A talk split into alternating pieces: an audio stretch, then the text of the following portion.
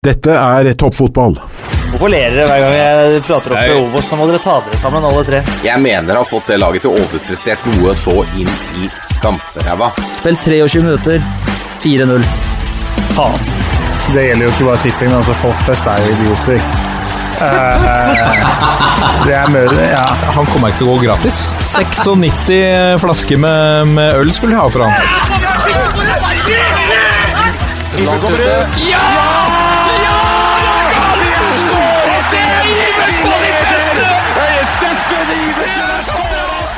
Og der er eh, toppfotball tilbake igjen. Altså, Nå er vi oppe i to sendinger på rad her. Det er jo eh, rekord i 2022. ja, det er dobbelt så mange som vi hadde for en uke siden, så vidt jeg vet. Veldig, veldig bra. Vi er eh, gode til å regne. Og du er jo eh, regneansvarlig. Eh, et slags eh, Ikke bare et husleksikon, men også eh, kalkuleringens mann. Fordi at nå har du fått eh, nå har du fått oppgaven i å slå sammen alle våre tips inntil et samlet toppfotballtips, som da skal utgjøre essensen i denne spesialsendinga som omhandler tabelltips, Obos-ligaen og Eliteserien.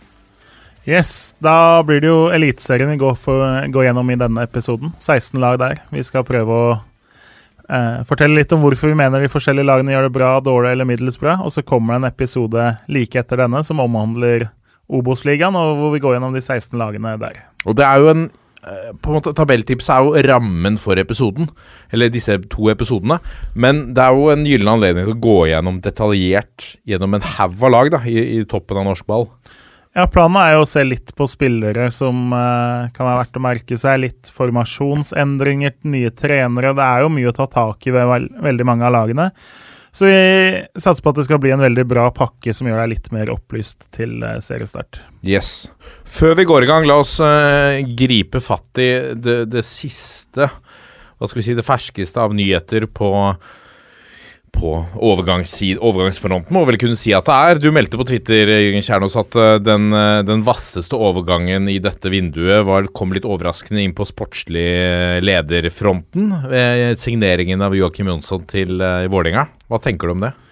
Jeg tenker det er sjelden vi har fått en såpass eh, profilert eh, sportssjef egentlig inn, da. Og det er klart, han sa det jo litt selv. Det er veldig stor fallhøyde for han fordi det er veldig mange som håper jo egentlig at han skal mislykkes etter at eh, Joakim Jonsson nå i mange år har sittet hos Eurosport og sagd andre klubber og slakta planer og slakta ting som har blitt gjort i mange klubber, så han vet jo at han kommer til å få høre det veldig, veldig fort når uh, Vålerenga eventuelt mislykkes, eller hvis han bommer på signeringene. Så, men samtidig, er du, melder du så mye, så er, forstår du at det er en del av gamet at du må tåle å få det tilbake.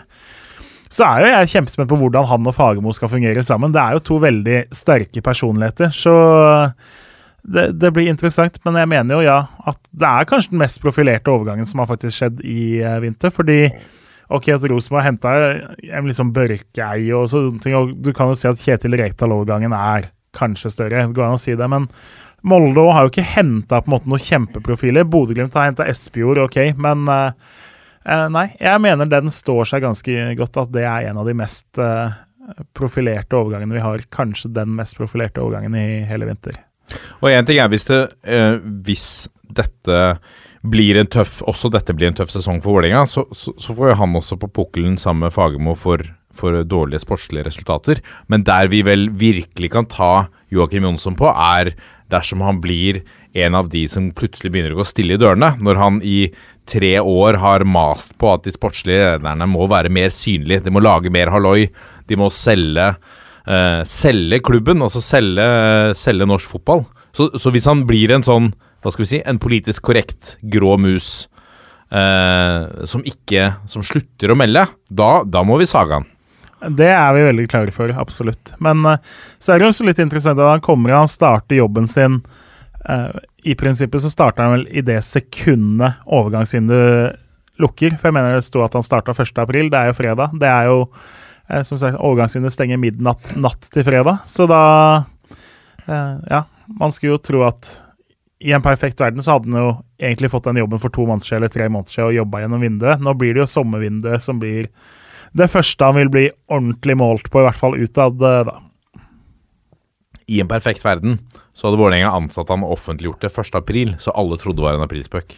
Det hadde vært gøy, faktisk. Ja, det hadde vært nydelig. Den, og så ble han bare det, værende. det er faktisk sant at hvis den hadde blitt meldt på hjemmesida til Vålerenga klokka halv sju 1. april morgen, så tror jeg veldig få hadde kjøpt det. det. Blir veldig spennende å følge med på, følge med på det. Eh, la oss eh, gå i gang da med arbeidet her. Eh, vi, eh, vi skal altså ta for oss eh, de 16 lagene i, i Eliteserien. Og og også snakke litt rundt overganger. Det har kommet noen nye inn på trenersiden. Vi regner med at det er noen talenter som vil slå igjennom og få litt spilletid i år også. Det er spennende å se på. Hvor vil du begynne, Jørgen Kjernås? Du er jo, eh, du er jo vår tabellmester. Um, du har hatt ansvaret for dette prosjektet. Eh, skal vi begynne i bunn? Det er vel Ja. naturlig? Det må vi jo nesten. Og det er klart, eh, når vi sitter og tar et gjennomsnitt av fire tips, så blir det jo ikke de store, liksom oppsiktsvekkende variantene. Når jeg sitter og ser på eh, tipsene til alle fire, så syns jeg jo ingen av oss har vært sånn supervågale. Men vi, noen skiller seg jo litt ut fra det som vil være folkenormen. Vi kan jo røpe at i bunnen og på 16.-plass så er vi ganske standard og gjør det samme som sannsynligvis nesten alle tabelltips i år kommer til å gjøre. Kanskje med unntak av Agderposten og Grimstad Amstidene, er det det det heter? Noe det nå. Eh, vi setter Jerv på 16.-plass. Så Jerv begynner på 16.-plass. Uh, altså um, Hva eh, har du ikke tro på Furtado og, og, og Sandstøs eh, øvrige menn? Jeg har jo egentlig ikke det. Det er klart at vi har snakka mange ganger om at er du minst, så til slutt så vil du havne ned. Og det er en nykommer i Eliteserien som ser ut som et eh, lag og en klubb som er mindre klar for oppgaven enn alle andre. Så ligger jo da den store styrken i eh, det at når du kommer opp med det utgangspunktet, så har du ingenting å tape.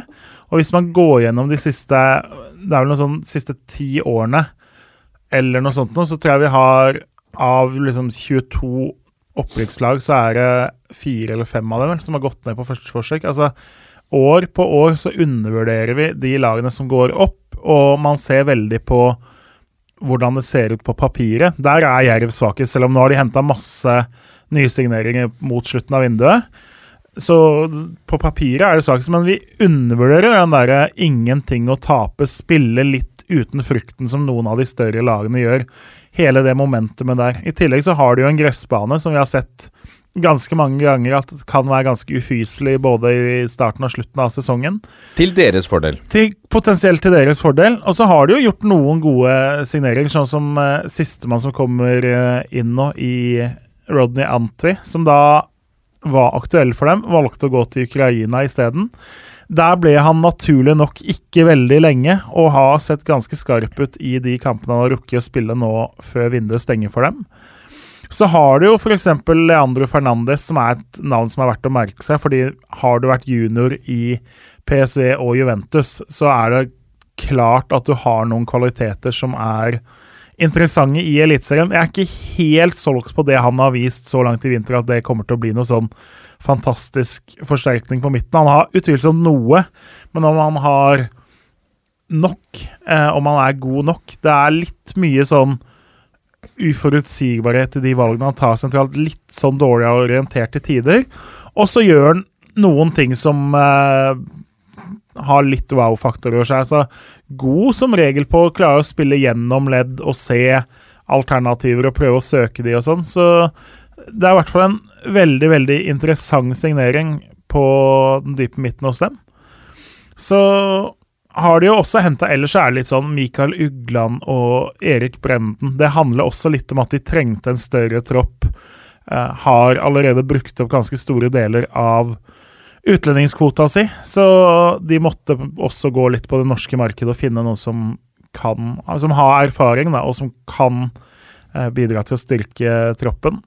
Eh, det vanskeligste å vite med Jerv er jo hvilken formasjon de kommer til å stille i, og hvordan de kommer til å se ut. For det, gjennom hele fjoråret så har de bytta masse, og gjennom hele vinteren nå så har det vært enormt med endringer både i spillere, i formasjoner, i hvem som spiller hvor. Så når man skal sette opp sånn hvem man regner med kommer til å spille hvor på banen, så er kanskje Jerv det vanskeligste laget å spå der. For det, Nå er det tre-fire dager til seriestart, og jeg er ikke helt sikker på om Arne Sandstø er helt klar selv over hvilke spillere han vil ha utpå eh, på hvilke posisjoner. Men som sagt, Antvi, litt wildcard. Og så har du jo Willis Furtado, som var Skulle ut og spørre om det. Ja. Hvem er Louis Furtado? Hva kan vi vente oss av For dette, dette er jo et nytt bekjentskap for alle de som ikke har sett fullt Jerv i, i Obos-ligaen.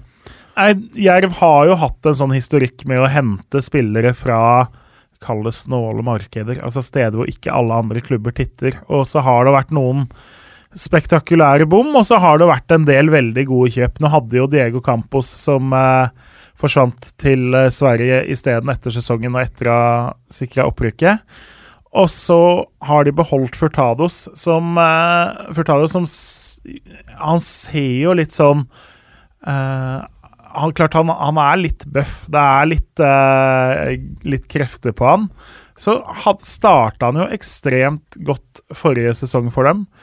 Eh, det, er ikke, det er ikke hver dag du på en måte ser en spiller fra Kapp Verde havne i norsk fotball, og så blir man jo nysgjerrig automatisk av det. Og så har han en veldig god førstesesong. Litt dalende mot slutten, men klart det, det er en X-faktor i han, og han har sett ganske livlig ut også i vinter. Så jeg tror så vi ser at Antwi og Furtado det er de to spillerne som kan utgjøre en forskjell, og som kan vise at kanskje Jerv er bedre enn det alle av oss eh, antar på forhånd. Spennende. Erlend Hustad også, nysigneringen fra Brann, har notert seg på skåringslista i, i preseason, riktignok mot, eh, mot eh, lag fra lavere divisjoner. Er, eh, er det en mann som glir perfekt inn i Arne Sandstøs mannskap? Han har jo i hvert fall litt sånn murbrekeregenskaper og litt tøffhet på topp der som jeg tror de har eh, ettersøkt ganske mye. da. De, de har mange angripere og mange typiske kantspillere, og så har de mangla den typiske spisstypen som de kanskje håper at han er. da. Eh, men ellers så er det jo mange spillere som har en fortid i eliteserieklubber uten å få veldig mange sjanser. Altså, Keeperhelt Øystein Øvretveit eh, debuterte jo faktisk som var han 17 år da han var på Lerkendal. Den var jeg og så på. Da kom han innpå pga. skade. Fikk jo ikke sjansen i har Vært mange sesonger nå nede i eh, Obos-ligaen med Jerv og vært veldig god med dem. Erik Tobias Sandberg, litt samme at LSK hadde kjempetroa på at det kunne bli den nye Torgeir Bjarmann for, eksempel, for dem. Så har skader ødelagt veldig for han, før han da fikk en skadefri og god sesong i Obos sist sesong. Jon Olav Norheim syns jeg er en kjempegod spiller. Han har så vidt vært innom Start før det har blitt mye Obos-liga. Han kommer til å bli flytta masse rundt. I fjor så spilte han gjerne kant og én og to dype midtbaner og offensiv midt i løpet av eh, noen kamper av mest stopper, men skårte da altså sju mål i fjor. Eh, veldig anvendelig. Kommer til å bli en litt sånn undervurdert type. Litt sånn Føles som han kunne passa inn i Kristiansund, som elsker å flytte folk rundt, og som elsker litt de undervurderte spillerne. Christian Novak har vært i Viking uten at det ble altfor mange sjanser der, f.eks. Vi har eh, også en del andre som har liksom vært og prøvd seg litt uten at det har blitt helt store. Men det er klart, selv om, selv om det er mulig å finne noen sånne lyspunkter og noen ting man er spent på, totalt sett over Hvis du hadde spilt sesongen 1000 ganger, da, så skal det jo rykke ned de aller, aller fleste av de gangene. Ja. Eh, nøkkelen ligger, jeg tror vi sa det sist uke, og de har seks hjemmekamper de første ti uh, rundene. fleste av dem er mot lag som er tippa fra midten og nedover. Så De kan få en god start, kan få en god start. Vi og ser det jo det seg, har vi sett. år etter år at nyopprykka lag tar masse poeng de første 12-13-14 kampene. Knapt nok vinner på slutten, men likevel berger seg med god margin. Det har jo skjedd med mange. Jeg husker Og det skjer jo noe med entusiasme også. Ja, du får litt drahjelp fra Grimstad sikkert også, Ja, hvis det blir masse poeng i starten. Ja da, så Men, det er jo Går det gjennom plass for plass osv., så, videre, så er det jo tynnere enn alle andre. Så de stiller jo med et handikap målt mot de andre mulige nedrykkskandidatene. Ja. Men i tillegg til alt det her nyopprykket så er det jo også et pluss at det er jo en fem-seks andre lag som ser ut som høyst reelle nedrykkskandidater. Ja. Så Jerv er ikke sjanseløse, men Jerv er det mest trolige nedrykkslaget. Det er notert inn på en eh, 16.-plass. Eh, da går vi et eh, hakk opp til, eh, til også et direkte nedrykk, altså. Eh, og da skal vi til hvalfangerbyen, eh, fordi en samlet redaksjon har ikke gitt Hans Erik Ødegaard og Tegan Tegstrøm fornyet tillit i Eliteserien, kan vi si det sånn? Ja, det kan vi jo. Og så viser jo dette at det var veldig jevnt på tabelltipsene våre. For det er faktisk bare én av oss fire som har dem på direkte nedrykk, og to har dem på trygg plass og én på kvalik. Så likevel så ender de på nest sisteplass i vårt tabelltips, fordi totalen så er det noen, noen av lagene som noen av oss har på nedrykk, har andre oppe på en tiende- ellevteplass osv. Så, og så, videre. så det, det skiller lite mellom de fem-seks neste lagene vi skal snakke om, men Sandefjord var da det vi hadde aller minst tro på. Uh, og det gir jo mening rent sånn hvis du ser på overgangen inn og overgangen ut. Altså, de har mista da Jonsson og Nordmann Hansen på kantene, som jo sto bak veldig mye av det som ble skapt og skåret sist sesong. De har mista Wembagomo, de har mista Mark Valais og Krautsrigler til utlandet. Så de har egentlig mista eh, fem mann fra elveren sin sist sesong. Og så, når vi snakker om at eh, at Jerv er ganske langt bak andre på den økonomiske tabellen og muskler og sånne ting, så gjelder jo det også for Sandefjord. Når man ser hylla de er nødt til å hente på, så må de hente på en lavere hylle enn si f.eks. Ålesund. Da. Og betyr ikke at Ålesund trenger å være noe bedre lag, det er jeg ikke sikker på det i hele tatt. Men hvis de to lagene virkelig har lyst på samme spiller, så har Ålesund som regel mulighet til å strekke seg litt lenger for å sikre den spilleren. da. Og over 30 kamper så kan du slå de tallene der, men over veldig mange sesonger så kan du ikke slå de budsjettallene. Eh, da må det være noe helt spesielt med klubben med ungdomsakademi eller entusiasme og sånne ting, og der er jo heller ikke Sandefjord.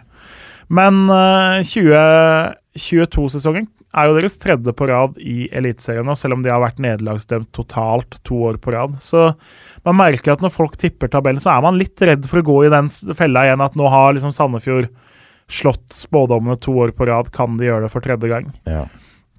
Jeg syns jo at de, selv om de har mista de to offensive S-ene sine, så syns jeg jo Alexander Ruud Tveter har sett enda bedre ut jeg da, i vinter. Og så er det jo kanskje den mest interessante og skal vi kalle det gledelige også, at uh, Franklin Daddy's Boy Nyentue har sett ut som en, om ikke fullverdig Vidar Are Jonsson-erstatter, så i hvert fall en som langt på vei kan erstatte han. Og så har de henta da Mohammed Ofkir tilbake til venstrekanten, så eh, Og så har de da Josef Chaib eh, i bakhånd. Ja, for det er jo en mann vi, vi har snakket uh, helt, og snakket mye om helt siden han spilte for Kvikk. Ja, og så er jo problemet da at han fikk to omganger i de to første matchene jeg hadde, så en skade sørga for at han har vært ute en måneds tid og er tilbake rett i seriestart. Og det har vært litt for mye av gjennomgangsmelodien der, at skadene kan ødelegge litt. Og så har du jo da Devier Vega som et annet mulig kantalternativ, som egentlig er en god spiller, men som liksom ikke har løsna helt verken i Sandefjord eller Vålerenga eller Brann. Han har liksom vist et veldig høyt toppnivå. Han kan være genial å være liksom i enkeltkamper være en Kanskje litt uh, ambisiøst å si, eller å ta litt hardt i, men en av de bedre spillerne i enkeltkamper. Hvor han gjør ting som veldig få andre gjør etter han, og så stuper det fullstendig, faller fullstendig gjennom i neste. Ja, jeg er enig. Og så uh, ser jeg for meg at han er en sånn spiller som presterer veldig godt på trening. Fordi man hører så mye rosen og genuint, ikke bare sånn der utad, men at han er faktisk en spiller som mange trenere har hatt troa på. Da, og så løsner det liksom ikke i kamp, og det er litt tilfeldigheter å ta de sjansene du, ha, du får, osv. Men det er altfor tidlig å avskrive han. Og så har de jo på stoppeplass da, så har de jo sikra seg en av Obos-ligaens mest interessante. Eh, og da en trussel også på offensiv eh, dødball. Jesper Taie fra Koffa skåret vel åtte mål sist sesong for dem. Det er. Er jo en sånn stopper som når du står og skal forsvare egen defensiv dødball, og så ser du han komme slentrende oppover uh, banen, så tenker du liksom 'å, faen'. Der kommer han, ja. Dette, dette blir tøft. Uh, er jo ikke den høyeste Altså, vi finner ganske mange høyere stoppere enn han, men den derre innsatsen og timinga og spensten bidrar jo til at han er et ordentlig våpen der. Og det virker som Jeg er jo litt interessert i hva, hva fòrer de egentlig midtstoppere med oppe i Hallingdal. For han nå er jo fra Hallingdal og har spilt for Hallingdal. Og det samme er jo Espen Garnås på Lillestrøm. Eh, det er jo to av de midtstopperne du ikke gleder deg til å spille mot, fordi det er skikkelig sånn sånn som du ser ut som at en hallingdølsk midtstopper skal være. da. Det er innsats og trøkk, og det er kraftfôr til frokost. og Det er liksom ti av ti på stereotypskalaen der. Havregryn og vann. Ja, sannsynligvis. Og det Vi har jo, ikke sant, godeste Jesper Tøye har jo da faktisk en sesong da han spilte rett nok i fjerdedivisjon, hvor han var over tosifra antall mål. Han var stoppeplass. Ja, jeg, jeg tror han var stopper da også, og det er jo rett og slett imponerende. Og så har de hentet en sørafrikaner, Kinin Ayer Boya, fra nå riktignok har han hatt et mellomstopp i Varberg i Sverige. Kreativ, eh, ballsikker midtbanespiller, 21 år. Ikke, ikke den eh, mest rutinerte karen, men en, er den eh, Har du sett noe av han? Den, Jeg har så vidt sett han i noen av de kampene. Eh, ikke, ikke gjort noe sånn stort inntrykk da, men det er jo jeg synes det er interessant, jeg regner jo med det er Tegstrøm sin, fordi de har jo henta Alexander Nilsson også, eh, som er en annen ung svenske.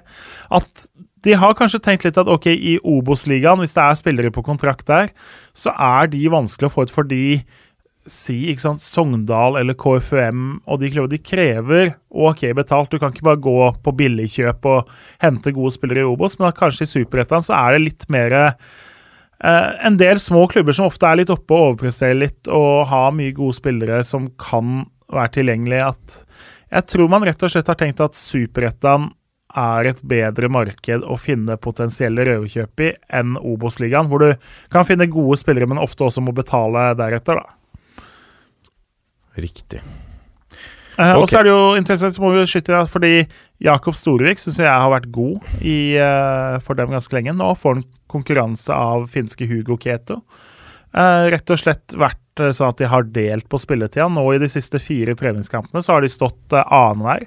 Så hvem som er førstekeeper i Sandefjord, det er ennå egentlig ganske uklart. Litt rar signering, eller? De har jo ikke slitt på Altså, Storevik har vært, vært, øh, vært bra.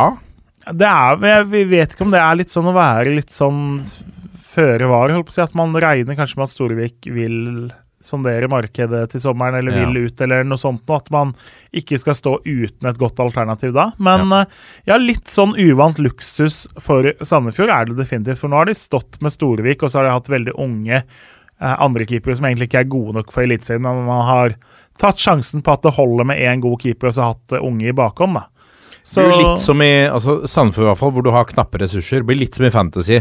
Om du, skal ha, du, du kjøper ikke to keepere til seks millioner. Du har gjerne én som er eh, litt billigere, for å, for å bruke penga på en en midtbanespiller. Ja da, så det er, som sagt, det er litt utypisk Sandefjord å gjøre det sånn. og, men jeg er ganske sikker på at det handler om at man er litt usikker på Storevik. Enten om man ikke er like solgt på den 2021-sesongen, eller rett og slett at man tenker at han ha, kommer til å uh, sjekke sine muligheter godt når sommeren kommer.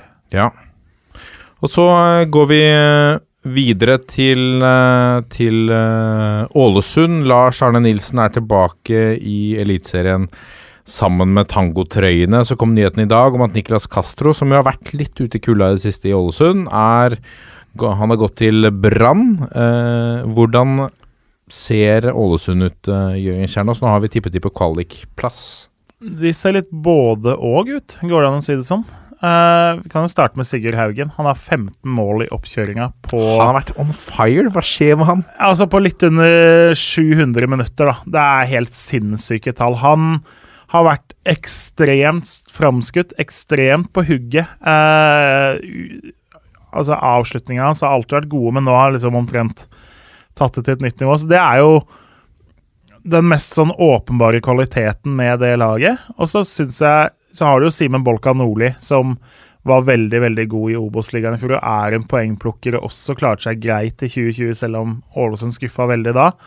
Eh, Det er de to som må stå for det offensive hos Ålesund. Det føles som det mangler det mangler en spiller i det offensive. da. At eh, Jeg regner egentlig med vi får se Ålesund hente en Castro-erstatter i løpet av de siste dagene i mars nå. Noe annet vil egentlig overraske, selv om både Isak Mete og Kristoffer Ødemarksbakken og nå er Torbjørn Kallevåg tilbake, så er det på en måte en ledig plass i det angrepet. Veldig hardtarbeidende, litt uglamorøs midtbane da, med Kristoffer Bauermen, Erlend Segberg og Dario Kanagia, som jo egentlig var god for Sarpsborg da de var gode i høst. Mm. Eh, viser litt av de musklene vi snakka om på Ålesund, da. Eh, det er når vi snakka om Sandefjord. Det er jo en spiller som Sandefjord Nei, som Sarpsborg mista fordi man regna med at han ville få bedre tilbud, og så ender han opp i Ålesund. Det er et signal, det også. Så jeg er veldig, veldig veldig usikker på det forsvaret deres. Der hvor de egentlig har henta tre nye til fire plasser. Den jeg er mest sikker på, er David Fellmann, som er den eneste som er igjen fra uh, Obos-ligaen. Jeppe Mo på venstre, fin fot. Uh, litt usikker på alt det andre, om, han, om det på en måte kamuflerer litt. Så har du Simen Raffen som et alternativ, som også er habil, men når man ser litt på hvor han har spilt de siste årene Det har blitt mye bunnen av Eliteserien og blitt Obos. Eh, Petar Golubovic, som har vært klubbløs, har de henta til høyrebekken. Syns ikke det har sett ut som noe sånn åpenbart at han skal ta Eliteserien med storm. Setter veldig safe ut. Eh, kommer lite til innlegg, tar lite sjanser. Det, jeg har ikke helt sett hva som gjorde at han fikk kontrakt, at man ikke gikk for noen andre ennå. Og så har du da Besim Serbisic på stoppeplass, som jo kommer fra Rosenborg, unektelig er en spennende spiller.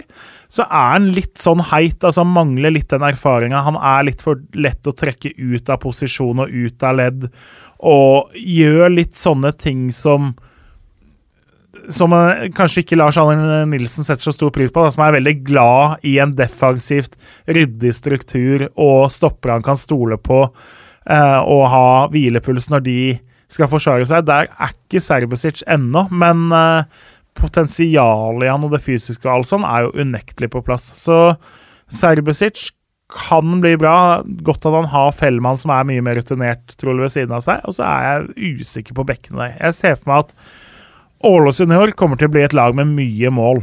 Eh, de ser ikke ut som noe sånn typisk Lars Arne Nilsen-lag, sånn som vi kjenner Brann, og egentlig var litt kjedelige. og Her er Jakob Orlov på topp som skal presse. Han er, han er så sykt god uten ball at han skal spille på topp. Eh, litt u-Lars Arne Nilsens over det de Nilsensk, blir det kanskje? Jeg tror det er riktig ja. grammatisk. Over det de har vist i vinter. Og så, som sagt, det, det mangler noe der. Jeg ville gjerne sett noe bedre på i Forsvaret. Det mangler fortsatt en i angrepet der. Midtbanen tror jeg blir bra. Og så er det jo gøy at Sten Grytebust nå kommer tilbake. Uh, Mikael Lansing har jo egentlig vært ganske god i Obos-ligaen. Og så har han slitt med en skade som gjorde at man lette etter et førstevalg.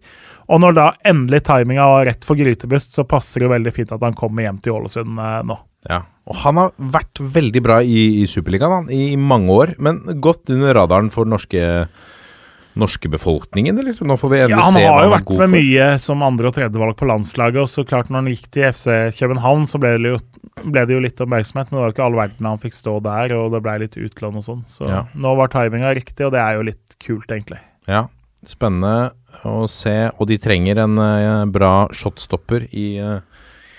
Ålesund. Eh, vi går eh, videre, da vi har tippet på eh, Vi har tippet rett og slett at HamKam slipper å, å utsette, utsette, seg selv og byen for kvalifisering, med at de lander på, på trygg plass, rett og slett. På, på 13., endte det til slutt. Er det er det dragkraften i, eh, i, Hamar og kameratene som, som skal være med å, å løfte HamKam til trygg plass her, Jørgen? Ja, det er klart at det De har jo fått inn en ny trener etter at Rekdal dro. Eh, Jakob Michaelsen kommer inn og ser ut som han har skjønt at det beste her er egentlig å ikke endre altfor mye på det som var. HamKam spilte jo ikke Eller de, de var jo et topplag i fjor fordi de var gode, men de spilte jo på en måte litt sånn eh, Går det an å si som et bunnlag, eller som et lag som visste at vi må de, de, vi kan ikke kontrollere kampene. Vi skal ikke ut og styre og eie ballen og tiki-taka oss gjennom ethvert forsvar. Det var egentlig prinsipper bak spillet i fjor som gjør at kanskje det er logisk å tenke at de skal lykkes bedre enn Ålesund. For Ålesund var ikke sant, angrepet er det beste forsvar, og vi rykker opp fordi vi driter i om vi slipper inn to eller tre, for vi skal uansett skåre fem mål. HamKam hadde ikke ballen så mye. De har en solid defensiv struktur, og så har de mista noen nøkkelspillere der, det, men likevel da, så har de beholdt hele fundamentet. Og så må det jo sies at de skårte jo også bra med mål, tross alt. Det er ikke sånn at de var kjedelige der. De, det var vel seks eller sju mål mindre enn Ålesund totalt. Men det er noe med tilnærminga til hvordan man, uh, hvordan man gjør ting uh, likevel, da, som er veldig forskjellig. HamKam hadde vel ballen i 45% av kampene i fjor. Det var bare fire lag som hadde mindre possession enn HamKam uh, sist sesong. Så, mens Ålesund da er på tredjeplass der. Så det er vel to veldig forskjellige lag, og det ser vi også i treningskamper mot Warringa, mot Godset, mot mange av de andre. De legger seg tålmodig ned i den 5-4-1 når de forsvarer seg. Det er litt samme hvem de møter, litt samme om det er hjemme borte. Eh, det er det som funker for dem. Det er det som har tatt dem fra å være et bunnlag i Obos-ligaen til å nå spille i Eliteserien. Så jeg liker jo det veldig godt, at man for det første slipper å gjøre noe helt nytt i løpet av vinteren og omstille seg fra å være topplag til et bunnlag. HamKam har egentlig det systemet litt inne allerede fra 2021. De. Og så ser det jo nå ut som Christian Eriksen skal uh, bli værende. Det er jo en enorm forskjell for HamKam på om han blir eller ikke. Litt på sånn det følelsesmessige planet, men mest på det som er på banen. Jeg er usikker på om Pål Kirkevold anno 2022 er en spiss som kommer til å skåre veldig mye for dem. Eh, Jakovenko har ikke spilt i treningskampene, så han er veldig vanskelig å si hvor man har. Enkerud for så vidt OK, men er Enkerud en mann som skårer 12-14 mål i Eliteserien og berger HamKam på det? Skeptisk der. og igjen De andre på midten nå har ikke liksom de oppgavene i sine roller. Så altså, Christian Eriksen kommer til å være Hvis han blir på Hamar, så tror jeg han fort kan være den som er involvert i høyest prosentandel av laget sitt mål, ja. sine mål. Eh, I alle klubber, da. Han kommer til å ha mye assist og mye skåringer eh, for HamKam, og en høy prosentandel av det de gjør. Mm. Eh, men så har de jo også truffet godt, da. Altså på en del av det de gjør. Sam Rogers ut, så kommer Julian Dunn inn. Med unntak av den Molde-kampen så har han sett kjempesolid ut gjennom hele vinteren. Uh, Fredrik uh, Skjølstad er sannsynligvis en nyttig og god. Veldig uspektakulær, men likevel god signering for dem. Så jeg er litt usikker da på når du har Kongsro som venstre wingback der, om det er helt det de skal ha. Om Det, det mangler liksom Igjen, si altså hvis du hadde hatt et enda bedre navn der og henta en spiss som er noen hakk over det Kirkevold kan tilby, da tror jeg, så hadde det vært enda lettere å ha troa på dem. Så jeg tror at over 30 kamper så får HamKam det ganske tøft. Det gjør det jo. Men uh, som sagt, det er, det er, et lag det blir vanskelig å skape sjanse på, og det blir en litt sånn tålmodighetsprøve for mange lag. Så er det jo interessant å se hva skjer hvis HamKam nå, hvis det ikke funker. Hva er plan B, eller går de til plan B, eller hva skjer da? Uh, de har en så tydelig stil at de kan stå i posisjon til å måtte ta noen tøffe valg der utover sesongen hvis det ikke funker sånn som man håper, da. Men jeg tror, jeg tror, det blir et lag som blir vanskelig å skape sjanser på. Jeg tror mange lag kommer til å bli frustrert og bli litt lokka i fella og flytte litt for mange fram da, i håp om å få mål, og så bli kontra i senk. Det kommer vi til å få se på Briskeby gjøre. Ja. Spennende. Vi går videre til uh, plass nummer tolv. Der har vi satt uh, heltene fra Alfheim, og de har måttet uh, tåle en rekke store navn ut av dørene. Thomas Totland går til Hekken i Sverige. Etter mye Altså, ikke en skandale, men mye krangling i pressen her i fjor, uh, i fjor høst, husker vi, med Jørgen Ingebrigtsen og Tromsø, eh, som hevdet at han skulle gå til Vålerenga, og veldig mye frem og tilbake. Jakob Karlstrøm har hendt opp i Molde, keeperen. Um, I tillegg til um, Runar Espejord, selvfølgelig, som har gått til, til Bodø-Glimt. Sårt for mange med, med hjertet i rødt og hvitt i, i Tromsø. Uh, av det som har kommet inn, har man klart å erstatte noen av disse, Jørgen? Ja, det har man jo forsøkt på noen av dem. Fordi du har jo da danskekeeperen keeperen Jakob Haugar, eller Haugård. Eh, det var en veldig dårlig dansk. Det var helt grusomt. Men eh, som jo har bl.a. vært i Stoke, som ser ut som en veldig god keeper. Ser ut som en fullverdig erstatter nesten for Karlstrøm. Så er litt av problemet med han at han har slitt litt med skader. Nå er han skadd og mister serieåpninga, f.eks. Så der har man en bekymring der. Ellers så har jo Tromsø vært eh, nede på den First Price-hylla som du finner lavest på Coop-en. Der hvor du liksom må virkelig titte etter og de varene som egentlig ingen andre vil ha. Eh, var en Kamasi var utlånt fra Rosenborg til Ranheim i fjor, langt bak i køen i Rosenborg, liksom ikke i tankerekkene der nesten. Samme Oskar Oppsal fra Vålerenga. Han eh, var egentlig overflødig der. Og så har de henta da Cyan Jones fra Altså, han eides av Ferencvaros i Ungarn, men spilte for Spartak Trnava i Slovakia på lån. og har ikke sett ut som noen sånn supersignering. og Ellers så har de holdt seg rolig, som betyr bl.a. at på spissplass så er det kjempetynt. Det er Moses Ebye som er egentlig eneste valget. Det hadde jo, I tillegg til eh, Espejord, så hadde de jo Ondrasek inne i høst. Jeg syns det er ganske rart at de ikke har gjort noe på spissplass i løpet av uh, vinteren. Det må jeg virkelig si. Fordi det Kan komme fortsatt? Ja, det kan det så klart. Men uh, nå, når vi sitter og spiller inn her nå, så er det en 54 timer og et kvarter av vinduet akkurat nå. Det burde ha vært gjort mye tidligere, egentlig, for at man skulle ha enda større troa på dem. Ja. Så, men så har de fortsatt da altså August Mikkelsen, som er store, den store forskjellen og kan være det. Og litt sånn som med HamKam, så er det ikke angrep er det beste forsvar for Tromsø. Tromsø var ganske kjedelig i fjor. De var blant lagene som skapte minst, og de var blant lagene som ble skapt minst på. Og det ga i sum veldig lite målrike kamper for dem.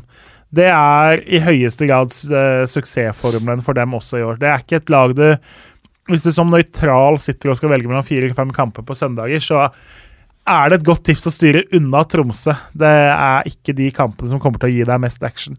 De skårte altså 33 mål sist sesong, likt eh, færrest med nedrykkslaget Mjøndalen. Og så slapp de inn 45, nei, 44, som da var eh, nest færrest på nedre halvdel.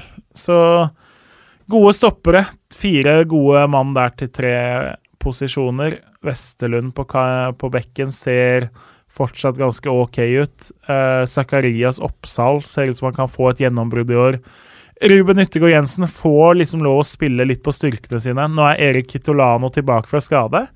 Så Tromsø 2022 er noen gode spillere i manko fra i fjor, men ellers er veldig mye likt.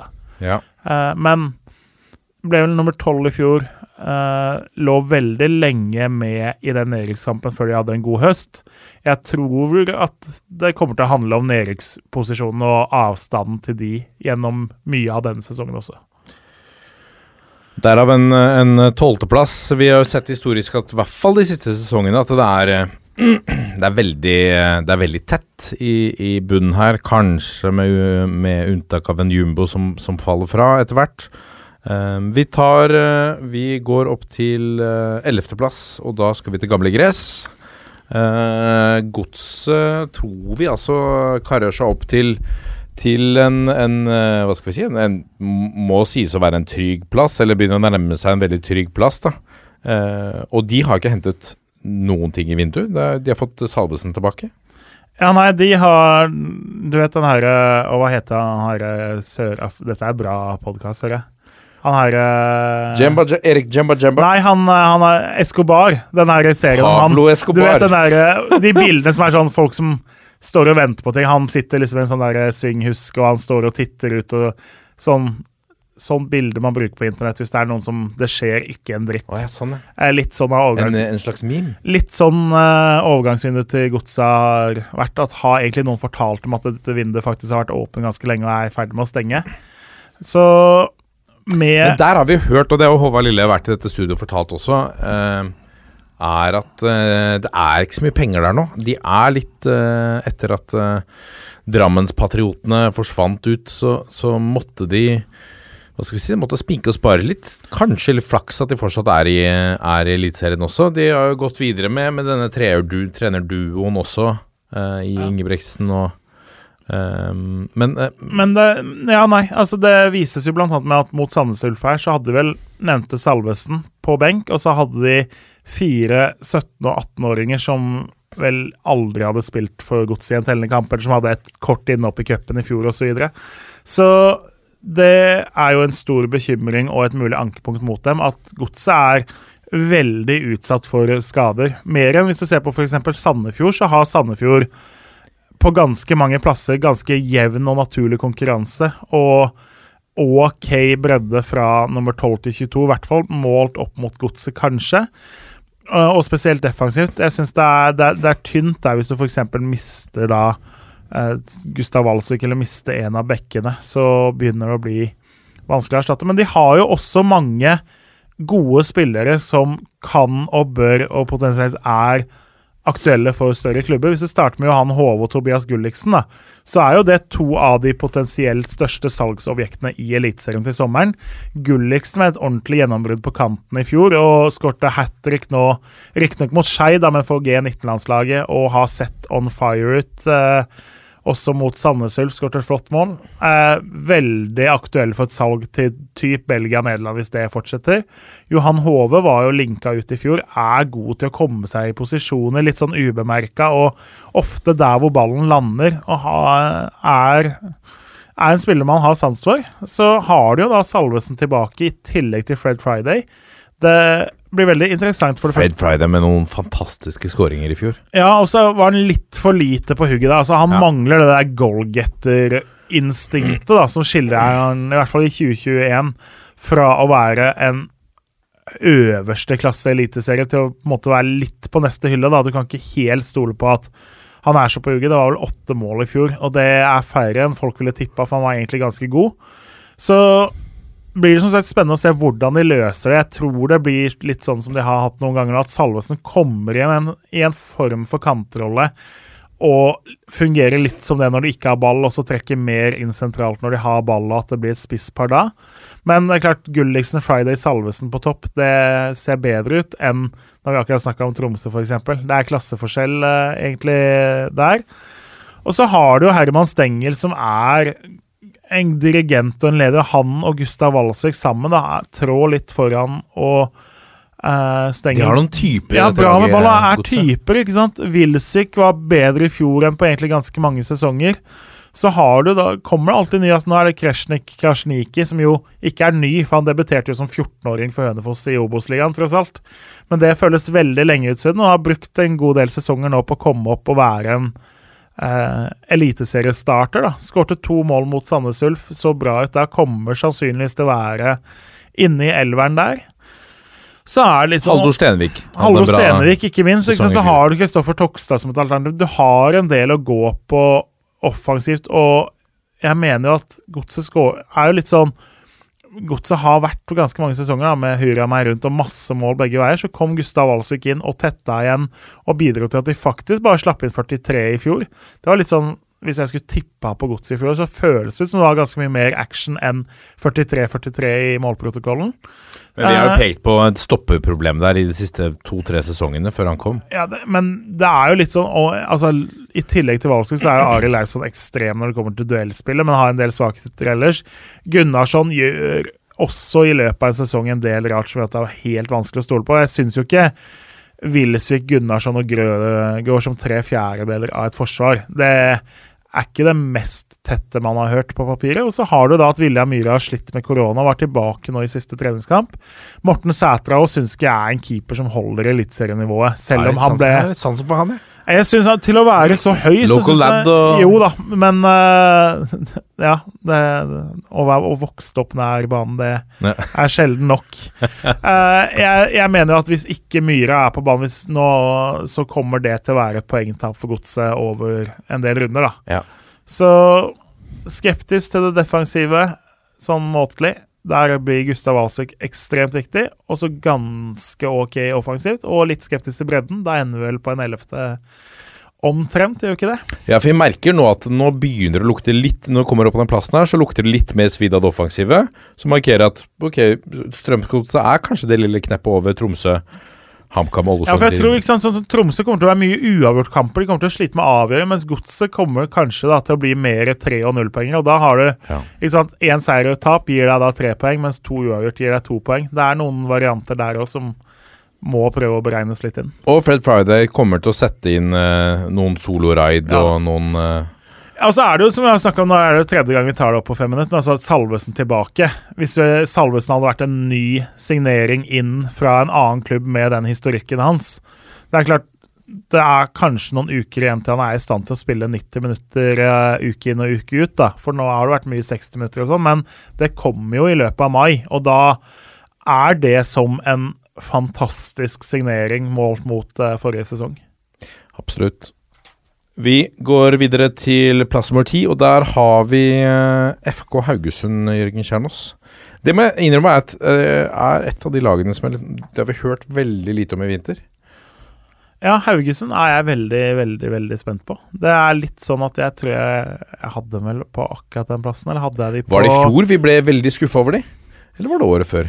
Nei, altså fjoråret var ikke noe godt uh, Haugesund-år, hvis det er det du tenker på. De ble nummer 11 i fjor. Og det var veldig, selv om det var veldig tett på nedre halvdel der, så det var ikke noe god sesong for dem. Så har jo da Kristoffer Welde og Niklas Sandberg forsvunnet ut, og Benjamin Tidemann Hansen har gått til Molde. Det er tre veldig markante avganger. og så Når du legger til da at Waji og Desler forsvant ut i sommervinduet, så er jo det fem navn som er kanskje de fem fremste som gjorde at man hadde litt troa på Haugesund. da. Eh, erstatta litt sånn ymse. Jeg syns jo Nå har de jo Badou som skal inn på den venstrekanten, som har noe spektakulært over seg. Skårte jo årets mål her i en treningskamp allerede med en vanvittig brasse. Mm. Men som er veldig uforutsigbar, og som mange trenere i flere klubber nå har slitt med å liksom få til sånn stabilitet og det defensive osv. Uh, tre spisser nå. Nå er Joakim Holtan inne, i tillegg til Samuelsen og Søderlund. Holtan tror jeg med tiden blir en OK eliteseriespiss, men eh, de mangler den tydelige og trygge eh, trygge førstevalget av de tre akkurat nå. Høyrekanten syns jeg ikke helt Der er det henta hurtige Hillary Gong fra Nederland.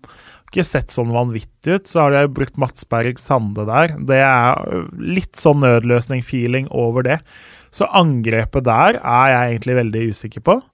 Så er Sondre Liseth, som var kanskje den beste spilleren de hadde. Han har vært skada gjennom egentlig hele vinteren og knapt nok eh, fått vise seg fram. Og litt uklart ennå når han skal være i stand til å spille 90 minutter. Så hvis du legger han til alle disse som de fem som er borte, kan du si at egentlig de seks beste spillerne de hadde i august, er ikke klare til seriestart.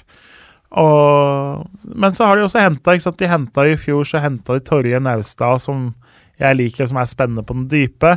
Christos Safaris ser ut som han kan bli veldig bra i Eliteserien. Kommer til å spille indreløper nå. Det ser ut som det kler han bedre å være til høyre i en uh, tremanns midtbane enn det kler han å være én av to, sånn som han ofte var i Grorud. Det er spennende med han.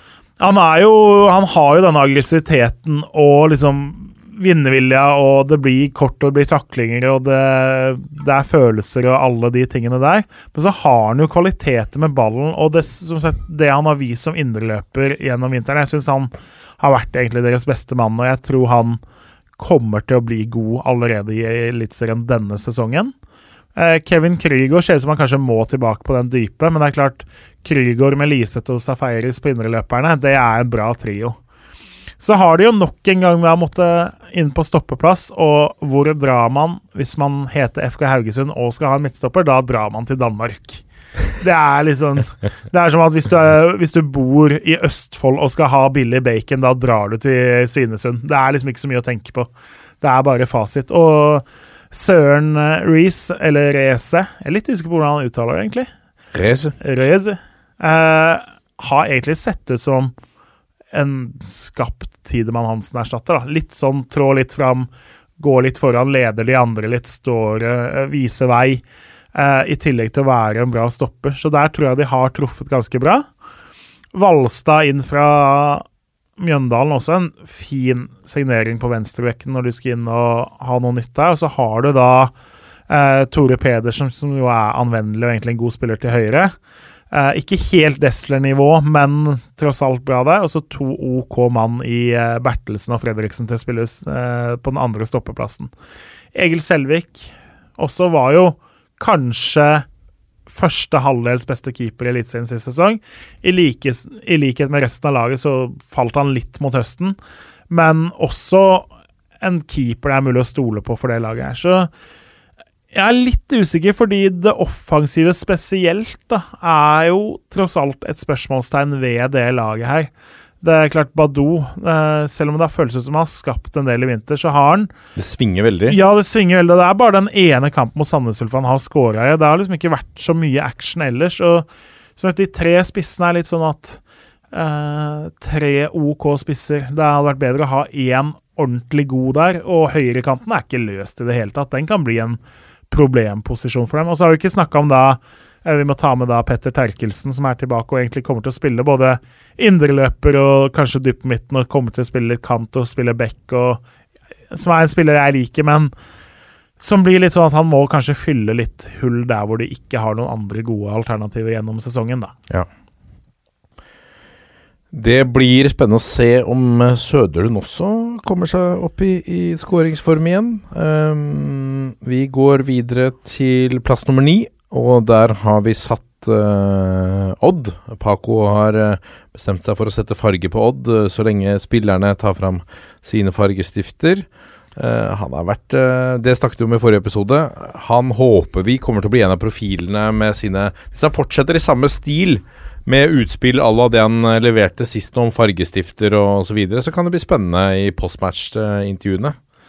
Ja, jeg føler at vi snakka en god del om Odd i forrige episode, så vi trenger jo ikke repetere absolutt alt. Men det er klart, ny Trømmerum, det ser ut som et lag med et tydeligere system og et mer offensivt system. Det ser ut som at uh, spillere som Filip Jørgensen, som blir indreløper, kommer til å bli mye bedre. kommer til å når vi sa at vi skulle snakke litt om spillere hvert om, merket seg altså Han har jo vært god siden han kom inn på den defensive midtbanen. og Egentlig ingen visste hvem han var, og så var han vel innbytter. Var det mot Våling eller hvem det var? Han fikk en halvtime omtrent for banens beste. Eh, men totalt sett to sesonger som har vært ganske mye opp og ned på den dypen. Nå blir han indreløper og ser ut som han Han går liksom fra å være en spennende ung spiller til å være en spennende ung spiller med to streker under og to utropstegn bak isteden. Han kan virkelig få sitt ordentlige, ordentlige gjennombrudd og løfte seg én og to hyller opp der. Og så har du jo eh, Tobias Lauritzen, som kommer til seriestart og endelig er et tydelig førstevalg. Som vi også snakka om sist. Jeg syns det ser veldig spennende ut. Jeg har han som en joker når det kommer til toppskårer i Eliteserien denne sesongen her. Eh, kommer til å spille Det var eh, Ja, det var raust. Ja, var det Kanskje. Det er klart. Det var spennende. Ja da. Eh, jo da, men det er litt sånn Jeg jeg tror, hvis du tenker litt at ok, Molde kommer det kanskje til å fordeles på mange, kanskje for faen av bryllelsen, men liksom de, det kommer til å deles litt mer på hvem som scorer i Molde. da. Litt samme med Bodø-Glimt. Veldig mange forskjellige. Det er ikke, Du så jo Botheim i fjor, var ikke i nærheten av å være toppscorer. Eh, Viking ok, Berisha er vanskelig å argumentere mot der, men Sarpsborg har liksom ingen veldig naturlig. Noah Holm i Rosenborg ser ikke helt der ut. Fridjonsson i Lillestrøm Vi skal snakke mer om det, men ja. Kjartansson, jo ok, han har våkna til liv, men Kristiansund og Mava Nei, ikke helt. Haugesund er ingen. Godset har så klart Salvesen også, men at for meg Tobias Lauritzen er en som sagt, Han er en joker. Jeg sier han blir toppskriver, men han er en mann som Hvis du skal gjette topp ti på toppskriverlista, så vil jeg heller gjette på han enn å gjette på en spiller som er litt usikker på minuttene sine i en bedre klubb. da. Mm. Uh, jeg tror han kommer til å spille mye mer enn f.eks. Fride Jonsson kommer til å gjøre. Uh, kommer til å stort sett være 90 minutter, og, og han ser bra ut. Så, og er, har altså, knallhardt skudd og lukter mål og er naturlig nok glad i å skåre, sånn som de fleste spisser er. Så det en mann å se opp for. Konrad Vallem må vi også snakke om når vi snakker om disse unge. Vi snakka om Josef Bakai og han sist. Vallem skaper masse fra kanten sin og er mye nede og henter ball. Veldig spennende. Uh, Josef Bakai på venstrebekken har vært en av de mest interessante spillerne gjennom vinteren, egentlig. Så jeg tror vi i hvert fall, målt opp mot 13.-plassen i fjor, så tror jeg vi får se et Odd som ser mye bedre ut. Fordi etter Bakengas avgang så var det en trøstesløs årgang som kom fra Skien der. Og de vant jo knapt nok en kamp i siste halvdel av sesongen i det hele tatt. Egentlig etter at Bakenga dro, så vant de vel bare eh, tre av de siste 18 kampene eller noe sånt. Det, det, det var stusslig. Jeg tror ikke de blir stusslige i år. I år har de fått fargestifter og skal farge løs både utenfor og innafor eh, eh kantene på tegninga. Yes. Hør mer om Odd i forrige episode også. Da dekket vi de eh, som en av de lagene vi snakket om da. Vi går videre til Christian Mikkelsen, som alltid bare er glad for å være påmeldt Eliteserien og få lov å spille mot alle laga, og alt er så flott. Nå eh, har vi satt de på en eh, åttendeplass. Jørgen Kjernås, Moses Mava. Du nevnte han ikke i stad som potensiell toppskårer i uh, Eliteserien. Han har vel ikke heller vist uh, den samme målformen i Kristiansund som han hadde i Koffa? Nei, det har han ikke. Og så har han litt utfordra av Bendik By for å starte der, da. Og det når vi, klart Nå har jeg også, i tillegg til at man skal prøve å se på Eliteserien, så har man litt det der fantasy-perspektivet i hodet, og der er jo Kristiansund et mareritt, egentlig, da. Fordi den offensive rulleringa er så svær, og du ser at Mava sett ujevn ut igjen i vinter, så har Bendik By sett kanskje enda bedre ut enn det.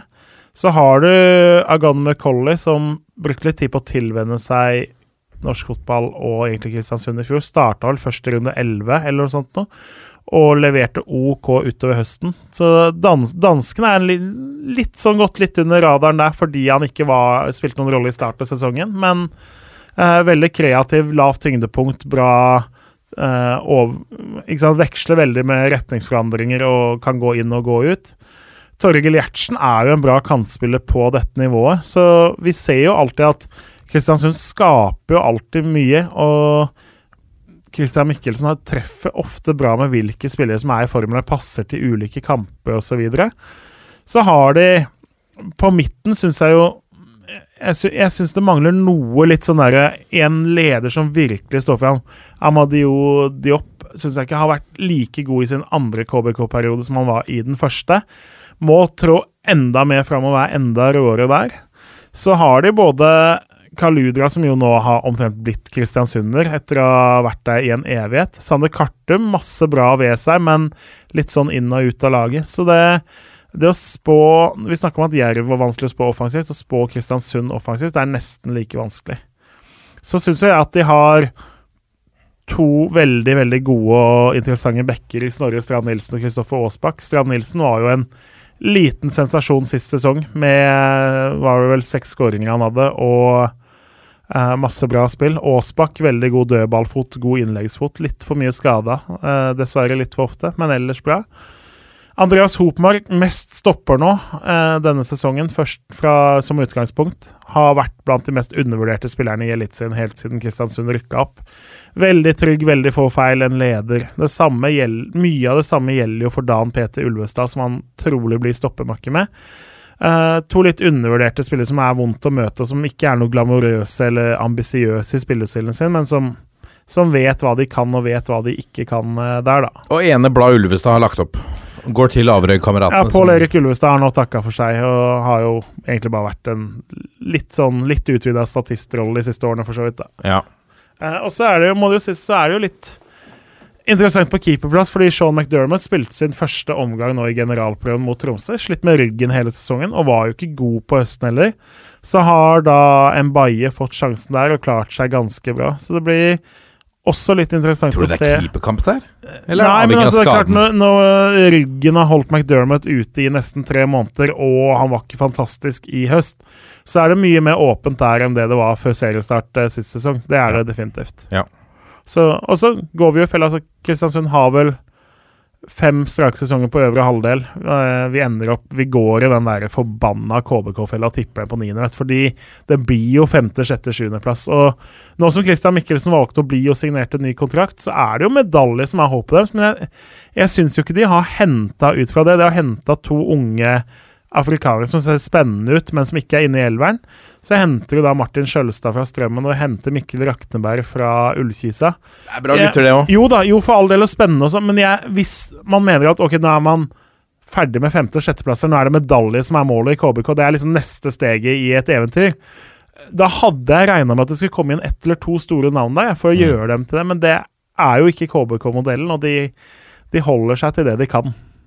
De er jo et på mange måter Altså, på, ikke på mange måter, på noen måter et slags miniglimt hva gjelder i hvert fall taktikk på, på overgangsmarkedet. Man, man, ser etter spillere, typer som passer, og henter de Kanskje ikke henter de mest etablerte spillerne fra Eliteserien, f.eks. Snorre Strand Nilsen ble hentet, gjort om til en, en superback der. Um, så, eh, så, det er jo eh, De drar jo noe opp av hatten da, som de, eh, som de, potensielt kan gjøre om til gull. Så blir det spennende om det blir tilfellet med Rakneberg og Skjølstad f.eks.